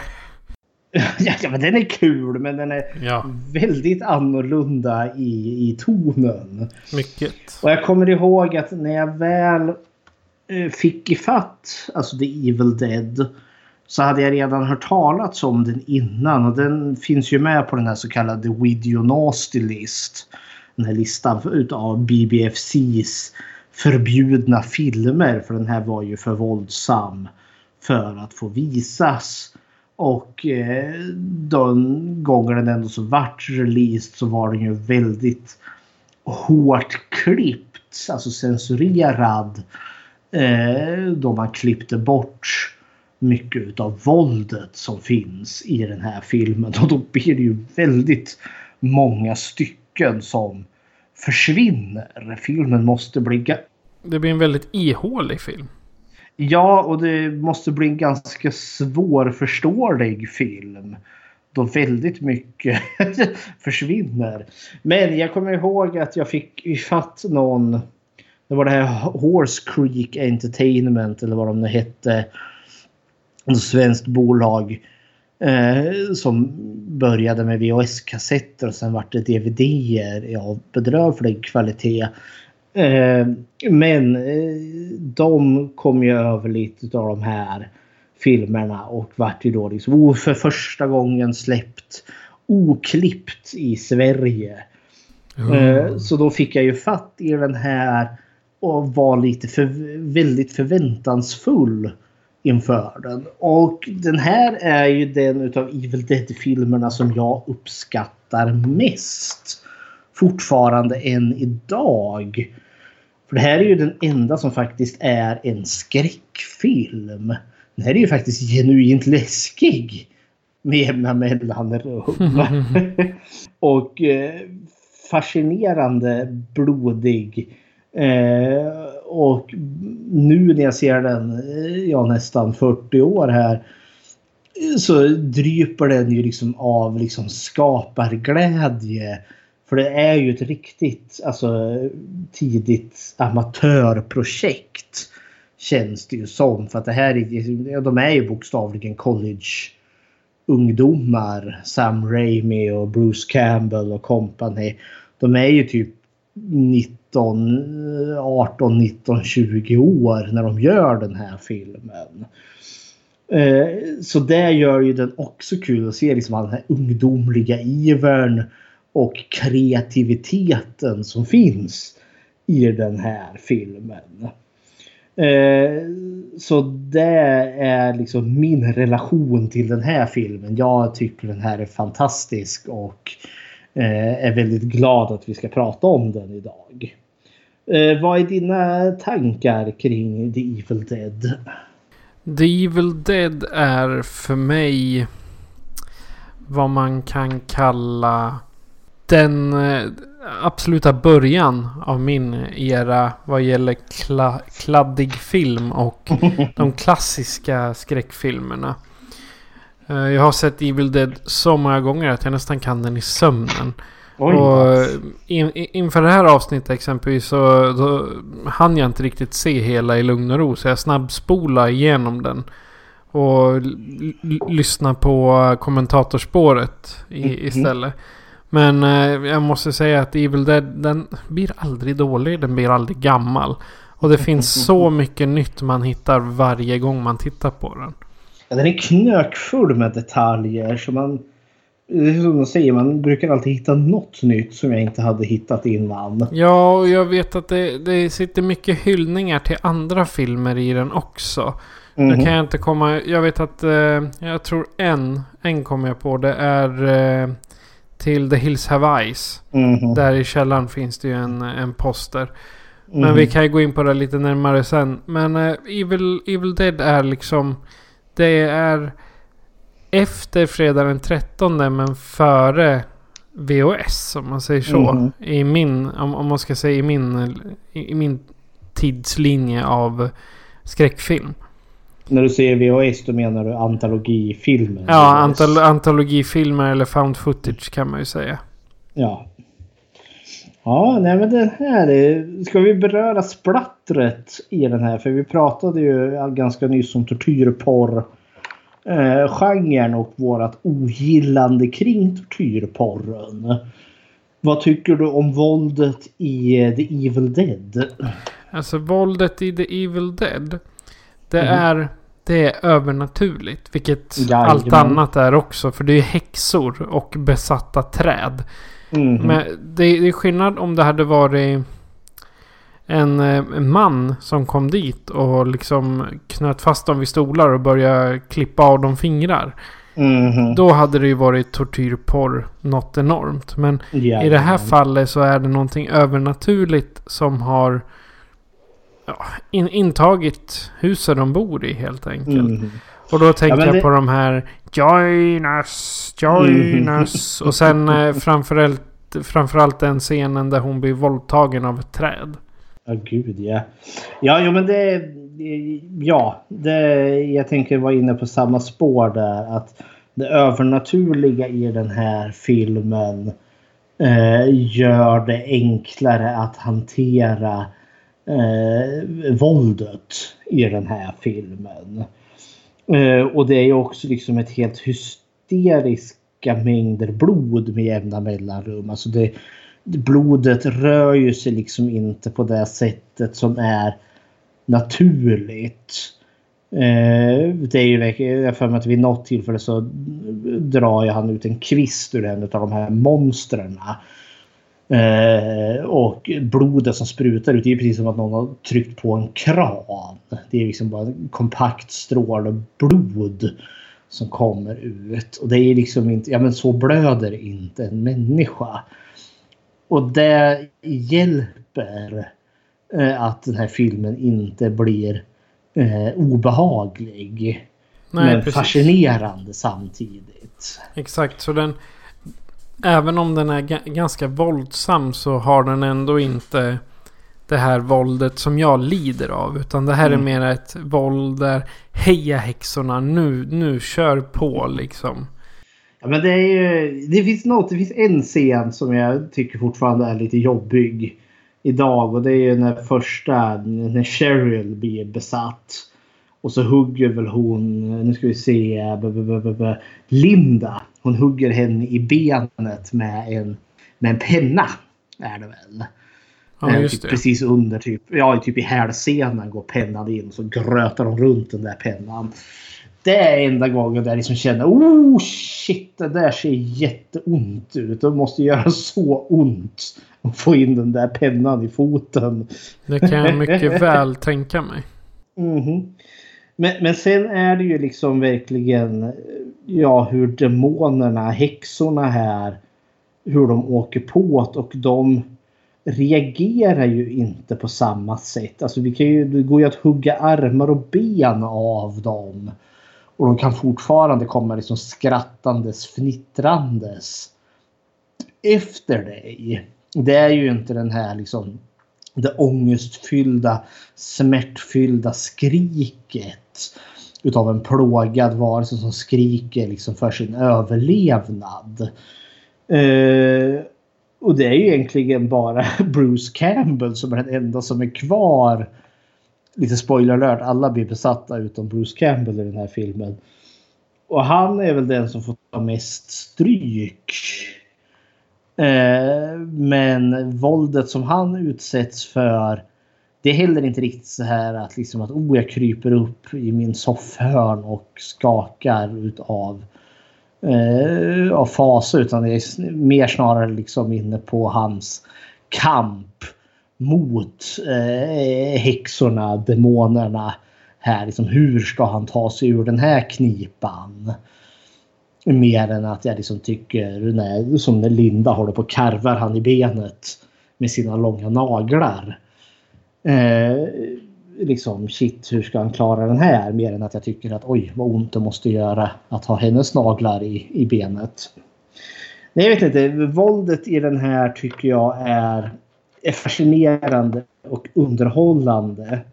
Sen har väl inte, tyvärr, eh, måste ju jag i- tycka här att med de bättre utgåvorna jag har utav The Evil Dead. För jag har ju också Blu-ray-utgåvan.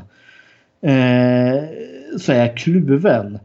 För med klarare bild så kan jag se detaljerna bättre. Och då blir det sämre. Då, ja, då klarar inte riktigt sminket sig alla gånger. Eh, I den här filmen är jag villig att ursäkta det. För jag vet att vid några tillfällen när Cheryl, hon som blir häxan i källaren, där när man ser hennes händer liksom krypa runt. Där det vid något finger, alltså hon har ju latex ovanpå. Men det är något finger där latexen bevisligen har spruckit. Så man bokstavligen kan se hennes riktiga finger sticka fram. Och det förtar ju lite effekten när man liksom ser, jaha nu kan jag bokstavligen se, alltså illusionen blir spräckt där. Men i och med att det här är en sån lågbudgetfilm och att jag är så vänligt inställd, för jag är så positivt inställd till den här filmen i övrigt, så är jag villig att se bortom det. Men hör och häpna, den här filmen gynnas utav att ha en inte en kristallklar bild utan bättre i sin mer VHS-grumliga bild faktiskt. Ja, den är... Jag har, jag har ju den på DVD också och Mhm. den är definitivt bättre med DVDn och sen helst på en DVD-spelare också för ja. om jag, om jag tittar på den i eh, min Blu-ray-spelare då blir det ändå bättre, Mhm. bättre kvalitet. Men jag, jag skulle säga att eh, hellre låg upplösning än eh, den här HD som, och, och restaureringen som blir. Ja. Jaha, eh, den här filmen är ju så klichéartad. Alltså settingen är ju den mest klichéartade i en skräckfilm någonsin. Ett gäng ungdomar åker ut i en stuga i skogen. Det är liksom, ja det känns som att det händer bara i skräckfilmer överlag. I stort sett. Ja. Eh, ska vi prata... Ska vi prata karaktärer? Ska vi prata setting? Eh, ja, monstren. Vad, vad, tycker du? Jag tycker båda vi, vi tar det i den ordningen tycker jag. vi tar det i den ordningen. Då pratar vi karaktärerna då. Ja. De är ju inte så många i den här filmen. Nej, tack och eh, lov. Ja. vi har ju då huvudkaraktären Ash. Spelad av Bruce Campbell. Våran baby. Vår, våran Elvis Presley. Ja. Och hans flickvän Linda. Spelad utav Betty Barker. Tror jag det. Jo. Nej, Betty Barker. Eller Betsy. Kanske hon heter till och med. Ja, sak samma. och, ha, och Ash eh, eh, syster, om jag inte förstod det fel. Cheryl spelad av Ellen Sandwise. Eh, Scott spelad av Richard eh, The, The Manier. The Maninor. The Maninor. Nej, The, The Manincor. The Manincor. Ja. Och hans flickvän Shelly då, spelad av Theresa Tilly. Ja, som eh, för, för både eh, Scott och Shelley spelar under andra namn. Som han som spelar Jaha. Scott, han spelar under Hal Delrich. Och Shelley spelar som Sarah York. Jaha, sådär. Det ska tydligen vara deras eh, skådespelarnamn där enligt IMDB. Ja, sådär, sådär. Sen hur mycket som stämmer det är ju en annan sak. Mm. Uh, jag tänker säga krast. Uh, utav de här fem skådespelarna uh, är det bara Cheryl, Ellen Sandwise, som är då Ash syster hon är den enda som jag känner har någon... Alltså hon känns mer skådespelare än vad de andra skådespelarna gör. Ja. För det här känns eh, verkligen som att det är ett kompisgäng som har gjort en film. Och så vitt jag förstått med hon Ellen Sandberg så hade väl hon lite av en skådespelarbakgrund. Hon hade väl liksom Eh, ja, på, eh, ja, på, ja, deras, ja, på college där då liksom verkligen haft inriktning teater. Och jag tycker det märks. Ja, jag tycker nog det jag också. För jag tycker inte att... Jag tänker säga att ingen av de här karaktärerna sticker ut på något vis och vänster. Eh, Scott ska väl vara han som kanske är lite mer skitstöveln i, i det här gänget. Men jag tycker inte att han får vara så mycket skitstövel överlag. Nej, det kan jag inte. Det kan jag bara hålla med om. Jag tror ärligt talat inte att, att han i början skulle vara någon form av, eh, vad ska man säga, tror inte han skulle vara någon form av eh, skurk eller skitstövel här utan alla skulle ha samma sam, samma nivå. Alltså all, alla skulle vara kompisar. Men sen... Ja. Jag tycker att han, han är inte elak eller otrevlig utan han är mera... Vad ska man säga? Han är mera lite lam. Lat. Ja, okej. Okay. Ja, han blir ju där liksom efter att uh, vad det, Shelley har blivit besatt och huggen i små bitar. Då får ju han en sån mer otrevlig bit och han tycker att ja, men nu, nu skiter jag i er och så springer jag ut i skogen. Ungefär ja. Och Ash vill ju inte göra det för att Linda är skadad och kan inte gå i skogen. Uh, då är det liksom då liksom skitstövel biten av honom mer blir synlig. Men ah, jag vet inte. Eh, det är inte så tydligt. Uh, Ash, våran, eller ja, Linda och Kelly. Tänker jag säga. Flickvännerna i den här. Alltså de är verkligen inte jag tycker inte någon av dem sticker ut på något vis och vänster. Alltså, de har liksom inga personlighetsdrag som jag känner liksom, oh det här är verkligen den karaktären. Eh, och, och, Linda hon är ju verkligen så och Kjell är liksom verkligen där. Nej, utan att de spelar verkligen bara flickvänner och ingenting annat. Eh, och det är inget fel med det sig för de blir ju verkligen vardagliga personer. Jag upplever att de blir liksom inte mer liksom riktiga alltså säregna karaktärer förrän de blir demonbesatta. Då händer det lite grejer. Ja, det är sant. Inte för att jag tycker de är dåliga. De, alla de här karaktärerna är trivsamma men är väldigt intetsägande. Ash, eh, våran huvudperson Bruce Campbell. Ja, ja, vad tycker du om honom i den här filmen? Bruce Campbell är min eh, favoritkaraktär. Okej. Okay. för jag gillar hans... Eh, han har, han har usel dialog. Så är det. Mm. Han är, han är ja, inte den, den bästa på att leverera någon längre dialog eller någon längre ut, utlägg. Haha. Eh, eller eh, att prata normalt längre tid. Utan han är mera... Jag gillar hans fysiska sätt att eh, liksom visa... Ja, nu, nu kommer det skräck. Och då, då gillar mm. jag hur han, hur han visar det i... Eh, med, med ansiktsuttryck, kroppsspråk. Mm. Det är vad jag gillar bäst med honom. Och sen att... Ja. Vem bryr sig om dialogen? För han, han vinner så pass mycket på sitt, ut, inte utseende, men på sitt sätt att förmedla känslor och händelser med kroppen så att säga. Ja men visst, eh, jag tror alla är förälskade i Bruce Campbell. Uh, men här, för det här är ju verkligen inte Ash från Evil Dead-filmerna som vi, eller som han sen känner med motorsåg på ena handen och liksom kommer med sina fantastiska one-liners. Eh, liksom Groovy Baby och Hail to the King och allt det där. Alltså här ska han ju spela en ganska mm, seriös roll. Han ska vara skräckslagen och allt det där.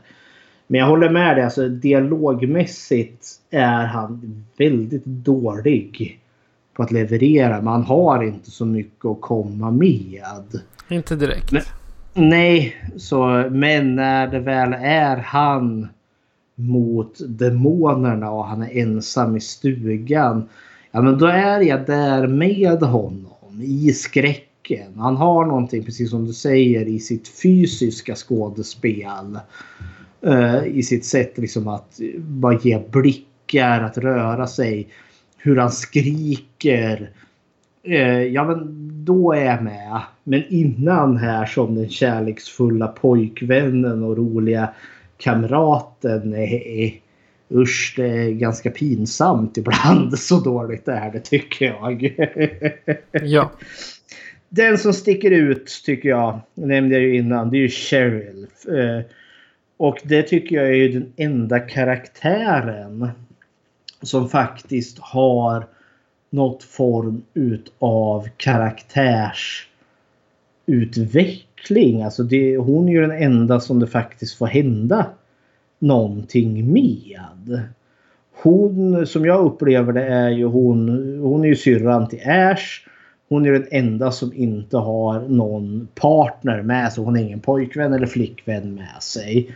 Så hon är ju egentligen typ femte hjulet eller något sånt där. Hon är ju bara där för att hon är syster till, till Ash. Exakt, hon hade, hon hade inget bättre för sig den helgen. Nej, och hon känns lite mer introvert. Hon har ju lite mer, hon är ju konstnärssjälen.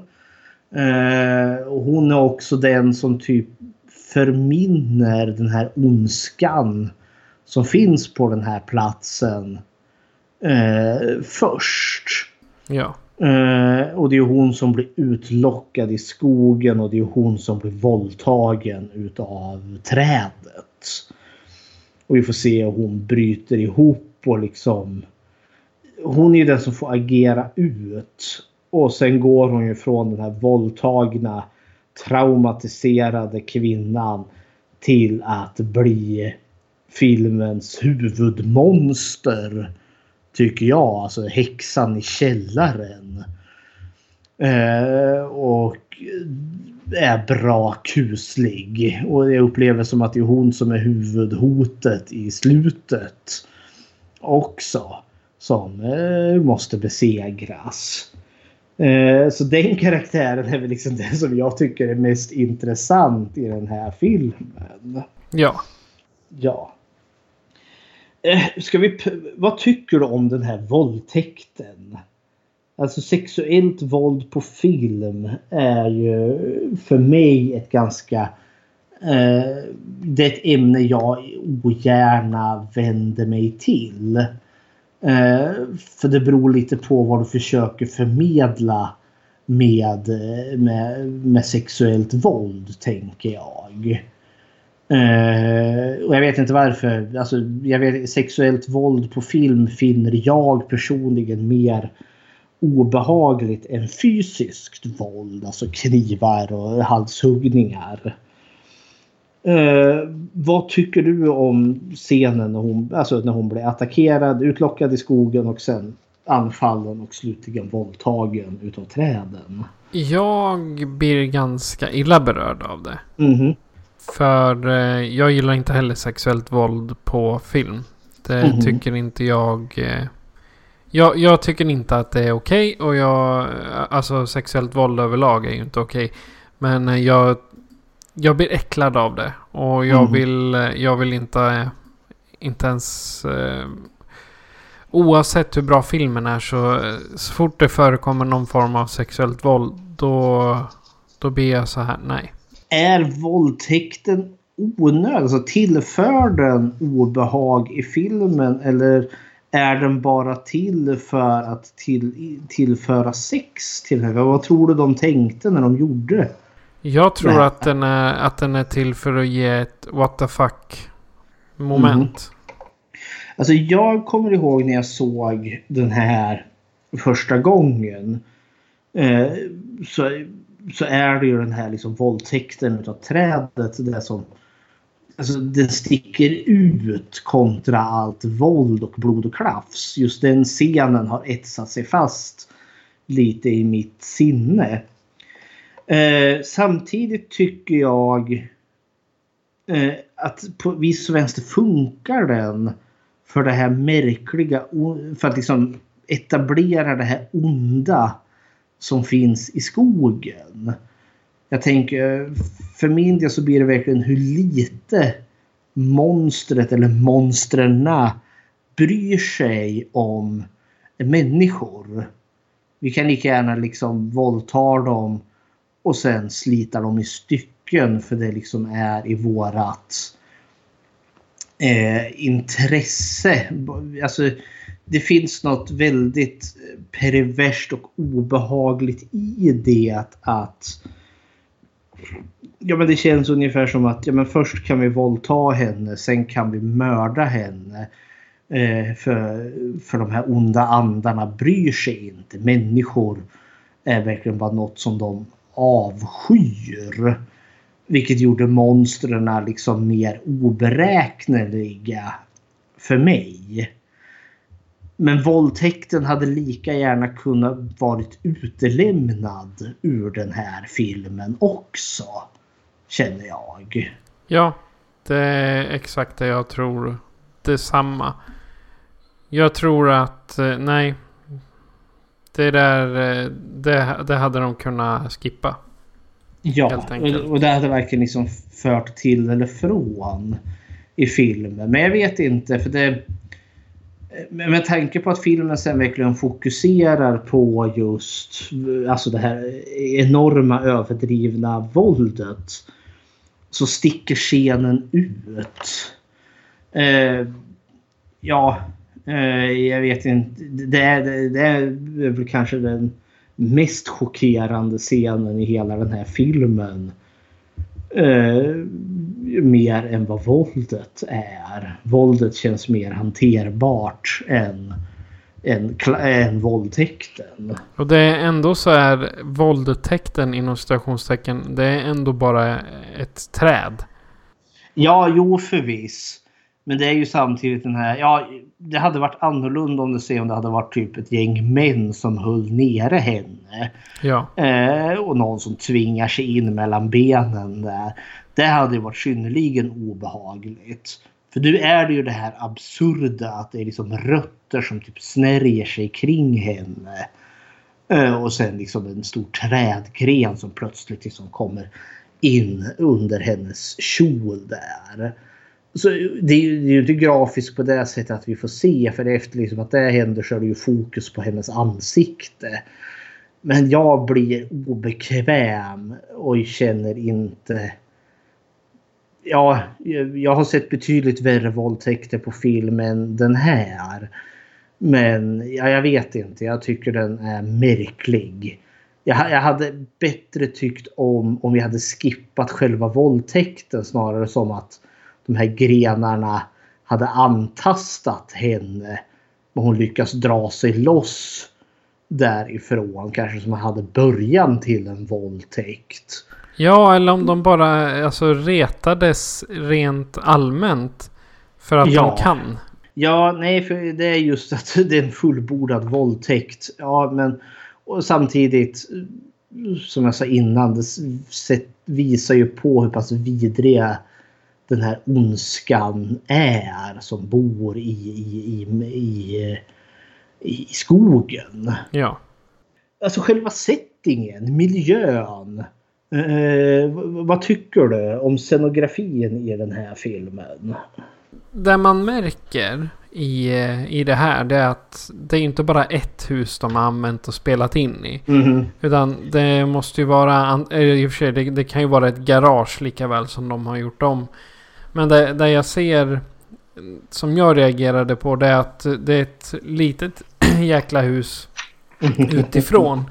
Men eh, det är, det, är liksom fyra vägar in och du kan eh, springa hur långt som helst för att komma till duschen eller toaletten. Eller... Ja, jag tänkte det också. Det, det, det ger en viss surrealism.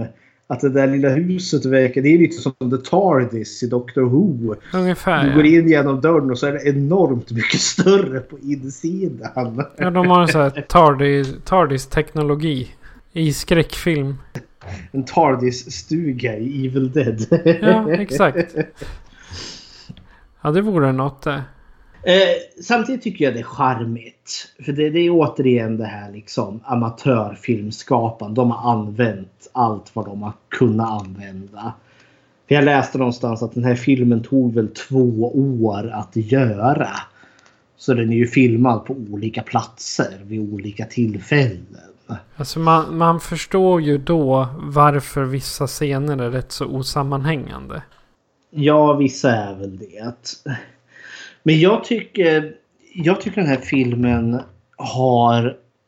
Det är väldigt mycket ljudet i den här. Soundtracket, eller ja, vad man nu kan kalla det. För den har ju ingen direkt musik. Den har ju ingen liksom, oh det där är liksom Evil Dead melodin. Eh, för eh, istället har hon ju liksom mycket ljud. Mycket atmosfär. Mycket så konstiga vinklar. Som gör, alltså filmvinklar som gör den här filmen fascinerande. Eh, exempelvis vid någon scen när Bruce Campbell är ensam kvar. Är han filmad ovanifrån. Eh, och vi ser liksom kameran följer honom men kameran går liksom förbi en taknock. Eh, en träplanka och varje gång en träplanka svischar förbi så har de lagt på något så här wop ljud. Och han går alltså förbi liksom fyra, fem stycken så vi har liksom wop, wop, wop. Och det är liksom varför? Men jag tycker det är jättefascinerande. och det skapar liksom stämning i den här konstiga filmen. Jag tycker att det är lite... Vad, vad ska man säga? Lite eh, effekt. Alltså bra, det är lite god effekt på det. Om jag, om jag gör mig... eh, Om jag, om jag, om jag gör mig förstådd på det sättet. Mm. Men den har i sitt soundtrack, som när de kommer till stugan första gången efter att de har åkt över den här Eh, skraltiga bron. Så får vi liksom se bilen bakifrån. Eh, Medan den liksom sakta glider in upp mot stugan. Och då är liksom bara lagt på liksom någon lite allmän liksom kuslig musik där. Eh, liksom för att sätta lite stämning. Eh, och framför allt tänker jag filmens absoluta början är väldigt fascinerande för mig. För den här filmen har ju eh, när vi liksom ser ur monstrets perspektiv som bara kommer springandes, skrikandes genom skogen som jagar Kelly vid ett tillfälle där efter att hon har blivit våldtagen och jagar upp. Och då får vi ju inte se monstret utan det är ju kameran som är monstret. Eh, och det har de ju återanvänt i typ samtliga Evil Dead-filmer tror jag. Men när filmen börjar. att det första vi får se är den här dimman och så lättar den så är de vid en sjö. Och så får vi ju den här liksom demonvinkeln. Demonen liksom far eh, ovanför liksom ytan på den här sjön och vi ser en bil som har liksom, ligger liksom halvt sänkt i den här sjön. För jag vet ju för när jag kollat extra materialet att hur de löste det som när, eh, när Cheryl blir jagad i skogen så var, hade de ju byggt en liten ja, någon form av bäranordning så är det ju fyra personer som springer med den. Liksom håller den i varsitt hörn, kameran. Och det kan jag ju förstå. Men jag kan inte förstå hur de löste det när den går ovanför den här sjön. För jag kan inte se någon lina som den dras efter och det, det fascinerar mig lite. Ja, om det är någon som sitter i trädet? Ja, vem vet. Men alltså det, och den är ju så nära vattenytan. Sak samma. Bara där sätter liksom den visuella tonen har gjort mig intresserad. För det är liksom det här monstret som kommer springande som svischar och går över någon stubbe. Tittar på den där liksom den halvt dränkta bilen liksom kommer upp på land igen och springer över någon kulle. Så han liksom tittar ut över blicken och ser deras bil komma upp över krönet. Jag vet inte, jag finner det fascinerande. jag tänkte, jag skickade lite klipp till dig. Eh, jag tänkte vi ska, två saker vi ska avklara nu här på en gång. Okej, okay, medan jag tar fram klippen då kan du förklara vilka två saker vi ska avklara på en gång då? Ja, dels då är det Bechteltestet ska vi göra klart på en gång och sen vill jag prata om hur demonerna låter. För det är väldigt, eh, ja men demonerna, the deadites som de kommer att kallas senare i filmserien. Eh, vilket jag tycker är ganska effektfullt. Och lite stulet från The Cenobites. Ja, jag skulle nog hävda tvärtom. Den här att är Cenobites 80... är stulet från Deadites, just det.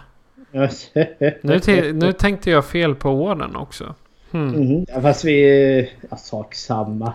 Ja. Jag kommer inte ihåg när de väl får, alltså när de verkligen kallas för Deadites. För det gör de ju inte i första filmen. Nej. Uh, vilken, vilken vill du ha först? Eh, vi börjar med Bechteltestet först. Eh, och där får vi lite både och. Eh, avklarat Bechteltestet och höra en demonröst. Eh, för som sagt, Bechteltestet, vi ska väl upprepa vad det är för något då. Det är ju om kvinnlig representation i, i film var på skräckfilm tenderar alltid nästan att vara den genre som är bäst eh, på att representera just kvinnor. Och då ska vi då eh, gör vi det här testet på eh, varje film för att se eh, om den teorin håller eller inte. Och då är fråga nummer ett. Finns det mer än två namngivna kvinnor i, i filmen? Eh, fråga nummer två. Möter de någonsin varandra? Fråga nummer tre om de möter varandra pratar de om någonting annat än män.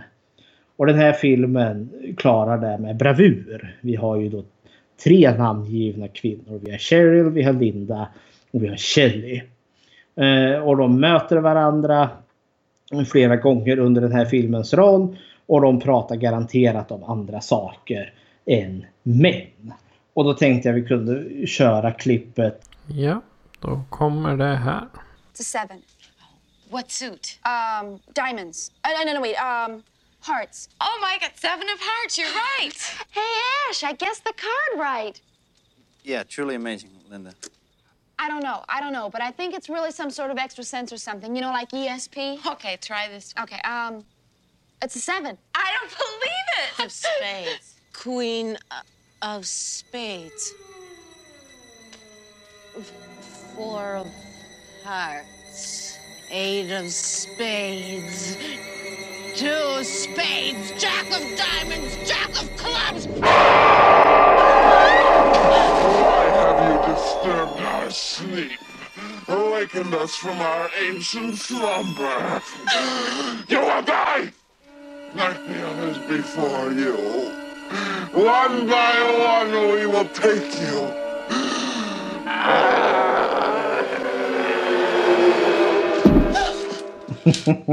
det är bra kusligt det där tycker jag. ja, det är eh, riktigt. Det är också första gången vi får se eh, en demon i, i den här filmen. Eh, och eh, eh det är också en liten stand-out-scen överlag. Men där fick du liksom också ett eh, väldigt eh, hörbart exempel på hur en film klarar Bechteltestet. För där hade du ju tre kvinnor i samma scen. Namngivna kvinnor och de pratade om någonting annat än män. Det är fantastiskt. Så det, just själva demonrösten. Mm. Eh, den här eh, mörka, liksom grövliga, konstiga rösten. Den funkar för mig för att den känns verkligen hotfull och den känns omänsklig. Eh, jag vet, alltså det är väl lite vad jag tänker på när jag tänker demon överlag. Har du tänkt liksom reflekterande tankar kring hur liksom demonerna låter?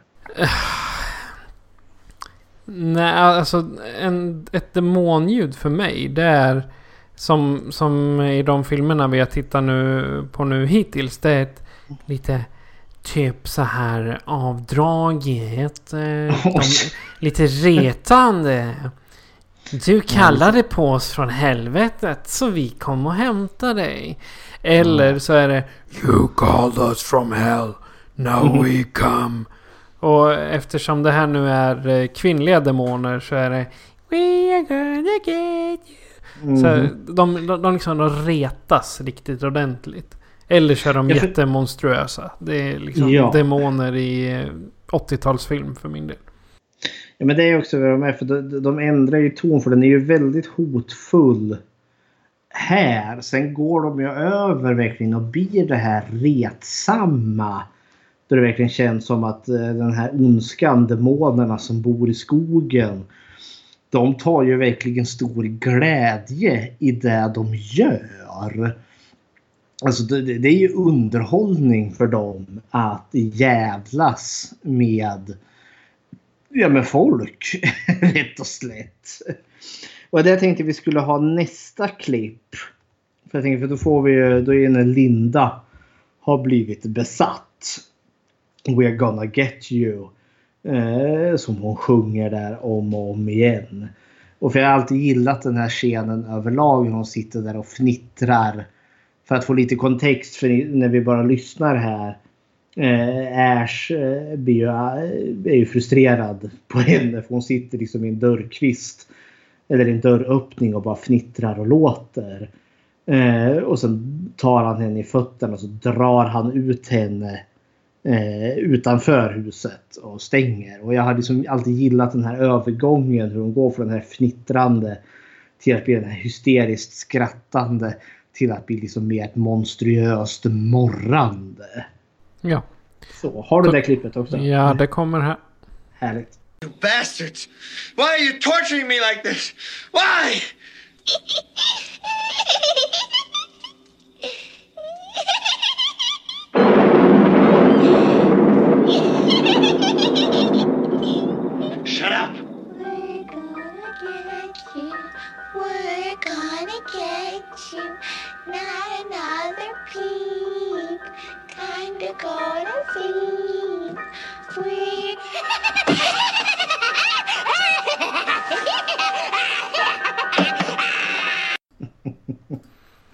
Ja. Ja. jag vet i, I filmen blir det mer effektfullt också för hon verkligen späsar ut där i, ute på första kvisten. Eh, och liksom vrider sig i en konstig ställning. Det är ju Jag lite som i de flesta Exorcist-filmerna också. Att de Ja, typ snurrar, snurrar på huvudet eller böjer sig upp och ner eller vad de nu kan hitta på. Ja du. Ja, nej, men jag vet inte. Det, det är också en... Jag, vet inte, jag, jag gillar eh, allt det här och det är någonting kusligt med det här för just den här Linda, när Linda blir besatt så mycket sitter hon ju där och är den här fnittriga otäcka figuren. Men, men, men när Cheryl blev besatt då attackerade hon direkt. Men Linda attackerar ju inte. Men Frågan hon är om, attackerar eh, senare. Ja, men frågan är om Linda, eftersom hon blir besatt så är, borde ju hennes eh, riktiga sinne på något sätt finnas kvar bakom. Och om hon då kämpar emot den här demonen och Mm. demonen i sig inte kan få lika mycket kraft. Nu är det här riktigt mycket djupt, djupt. Men som eh, jag, menar, jag tänker andra filmer där, där demoner försöker ta över kroppar och i själva verket då så sitter den riktiga själen där inne och slåss emot. Mhm. Det skulle ju kunna Här- vara något sånt nu. Ja, jag upplever inte... I, I uppföljarna blir det ju lite så. För det blir väl Ash själv besatt och så lyckas han göra sig av med demonen vid the power of love ungefär. Eh, men eh, här känns det ju mer som att de verkligen tar över alltihopa och sen finns inte människan kvar längre. Eh, för hon Linda släpper ju fasaden vid något, eller eh, ungefär som att hon inte skulle vara besatt för att lura Ash där. Så att han kommer nära och sen kan hon göra något elakt mot honom. Vad tycker du om boken då? The Necronomicon. Som de hittar. Jag måste säga att det är riktigt nice eh, illustrationer. För det första, Mhm. Ne- Necronomicon i sig är ju ganska cool. Eh, de- designen. Men sen också illustrationerna och texterna och så i den är ju väldigt välgjorda. Menar, då var det ju liksom inte att du gick ut på nätet och kapade någon annan eh, konstnärsverk. Utan det här är ju någonting... Jag har inte hittat vem det är som har gjort teckningarna. Men den som gjorde det är skicklig. För den är ju så blivit så ikonisk. Eh, för jag tänker, det, det är lite sorgligt för det är väl H.P. Lovecraft tror jag som kanske populariserar tanken om Necronomicon. Det är boken, den onda boken först medan The Evil Dead är väl kanske den som folk tänker på när de hör ordet Necronomicon. Eh, för jag ser ju alltid, när jag, så fort jag hör liksom Necronomicon så ser jag ju den här boken med ansiktet på omslaget. Eh, så. De hittar ju en jäkla dolk i källaren också. Och den är ganska... Den är väldigt... Eh, vad heter det? Stämningshöjande när den kommer. Den är ganska cool jag vet att den kommer ju tillbaka i uppföljaren. Eh, och jag kommer ihåg att jag gillade dolken bättre i den här i första filmen än vad jag gillar den i andra filmen. Eh, och det verkar som att den har någon form av eh, ska ju ha någon form av effekt för när Shelley blir besatt så hugger de ju henne i ryggen med den och då börjar det ju ryka om den och ha sig. Så det känns som att, liksom att demonen tar extra mycket stryk utav dolken. Eh, men sen upplever jag att den liksom försvinner ur spel. Linda har ju visserligen dolken lite senare i filmen när hon attackerar Ash. Eh, men efter det är dolken liksom bara borta ur berättelsen. Och jag vet inte om de gjorde det som en propp och så glömde de bort att de hade den i filmen eller tappade de bort den någonstans mellan inspelningarna. Ja, nej det, det är synd att den försvinner. Den är väl, eh, ja kanske där. Eller så kom den tillbaka till sin rättmätiga ägare. Det kan ju vara något någon har lånat ut bara. Ja, ja eh, sak samma. Ja. Eh, ja, vad tycker du liksom när, när allt är sagt och gjort?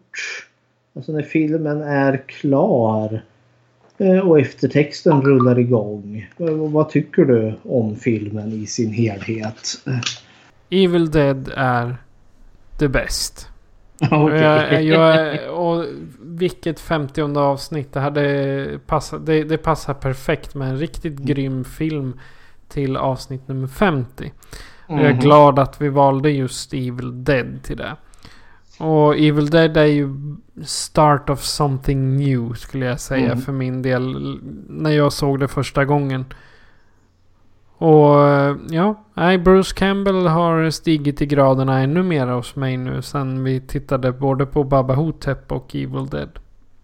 Man ser ju vilken utveckling han har gjort. För jag menar i The Baba Hotep spelar han ju mer det som man brukar tänka om. Det här är ju en sån typisk Bruce Campbell roll. Och Ja. här ser vi liksom honom lite innan det, han får det signumet. Och det får han ju inte förrän i film nummer två. Så det är lite lustigt liksom att se honom i Evil Dead. Så kommer bli hans stora genombrott. Men det är inte den här Bruce Campbell karaktären som man annars känner igen. Nej. Eh, jag tycker den här är fantastisk. Eh, jag tycker den är väl värd att se. Och jag tycker att den här håller i tidens tand. Eh, trots att den är så smärtsamt uppenbart lågbudget. Men jag tror nog att det är tack vare det. Och trots att det finns många skavanker som just specialeffekter där latexen har spruckit och riktig hud kommer in och ganska dålig dialog. Eh, så tycker jag liksom ändå så att jag har fått en väldigt bra film på väldigt många olika sätt när jag väl har sett klart den här filmen. Eh, så jag tycker den här är fantastisk och ett litet liksom, hyllning och studium i liksom amatörfilmsskapande. Som verkligen kan bli någonting stort i slutändan. Vilket det bevisligen eh, blev då med tanke på eh, både tv-serie och uppföljare. Mhm. Hur, har du, hur många av uppföljarna har du sett? Och tv-serien? Jag har sett Evil Dead 2 och jag har inte kommit till tv-serien ännu. Ah, Okej. Eh, då har du ju också Army of Darkness och sen remaken där. Ja, precis. Jag tror jag har sett remaken någon gång men eh, ingenting jag har lagt på minnet. Okej. Nej, men jag, jag gillar verkligen The Evil Dead. Och, men samtidigt är den så i tonen ofantligt annorlunda i jämförelse med film nummer två sen. För det är ju så som en helt ny film som uppstår där. Men det ska vi inte prata om nu, uppföljarna och så. Eh, men det kommer vi till. Men eh, jag, jag tänker jag kan med varm hand rekommendera The Evil Dead för den som inte har sett den. Men jag tänker att alla som lyssnar på vår podd har med största sannolikhet sett The Evil Dead. Med stor sannolikhet. Så vad kan man säga om The Evil Dead som inte har sagts förut? Nu har vi sagt vad vi tycker. Jajamensan. Och det är alltid något. Ja. Men om du som lyssnare ändå har mer att eh, komma med att eh, kanske berätta lite om så kan ni göra så här för att kontakta oss. Skräckfilmscirkeln presenteras av Patrik Norén och Fredrik Rosengren. Besök skräckfilmscirkeln.com för att se hur du kan kontakta oss, var du kan följa oss och hur du kan stödja oss. Lämna gärna ett betyg på iTunes, Spotify eller Podbean så att fler kan njuta av våra diskussioner. Tack för att du lyssnar!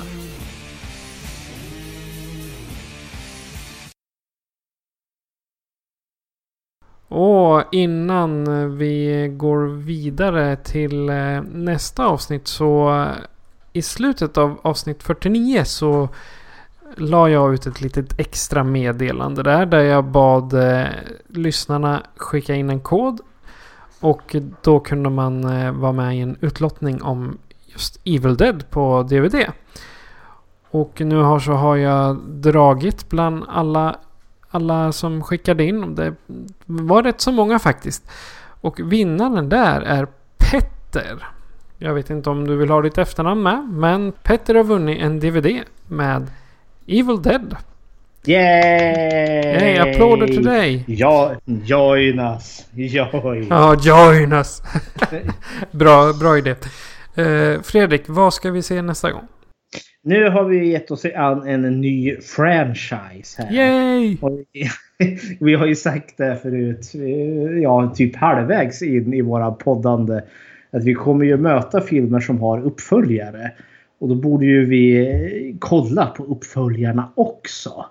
För att avsluta dem i sin helhet. Och nu har vi ju en franchise så då lämpar det ju sig inte bättre än att vi tittar på Fritt vilt 2 och 3.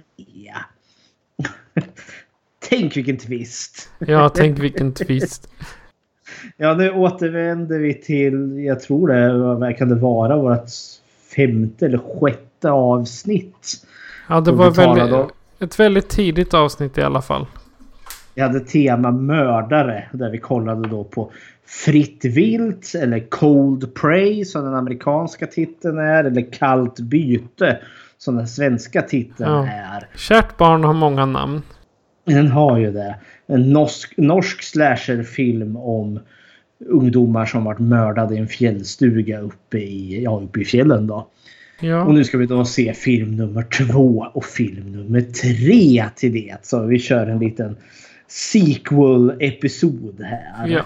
Och eh, jag kan säga att det är avsnitt 10 som vi pratade om mördare, det vill säga fritt vilt. Så, så 40 avsnitt senare eh, är vi på är vi uppe på fjället igen. Ja, så den som vill höra våra tankar om det då kan återgå till avsnitt 10. Mm. Yes. Det här var ett trevligt eh, avsnitt 50. Jajamensan. Och vi hoppas det blir minst en 150 till. Oj jösses Amalia, du tar i. Ja. det ska vi väl tro. Ont krut förgås inte så lätt som Nej, precis. Säga. Och vi är ont krut båda två. det vill jag lova. Tack för avsnitt 50. Jag heter Patrik. Och jag heter Fredrik. Du har lyssnat på Skräckfilmscirkeln. Adjö på er. Adjöken.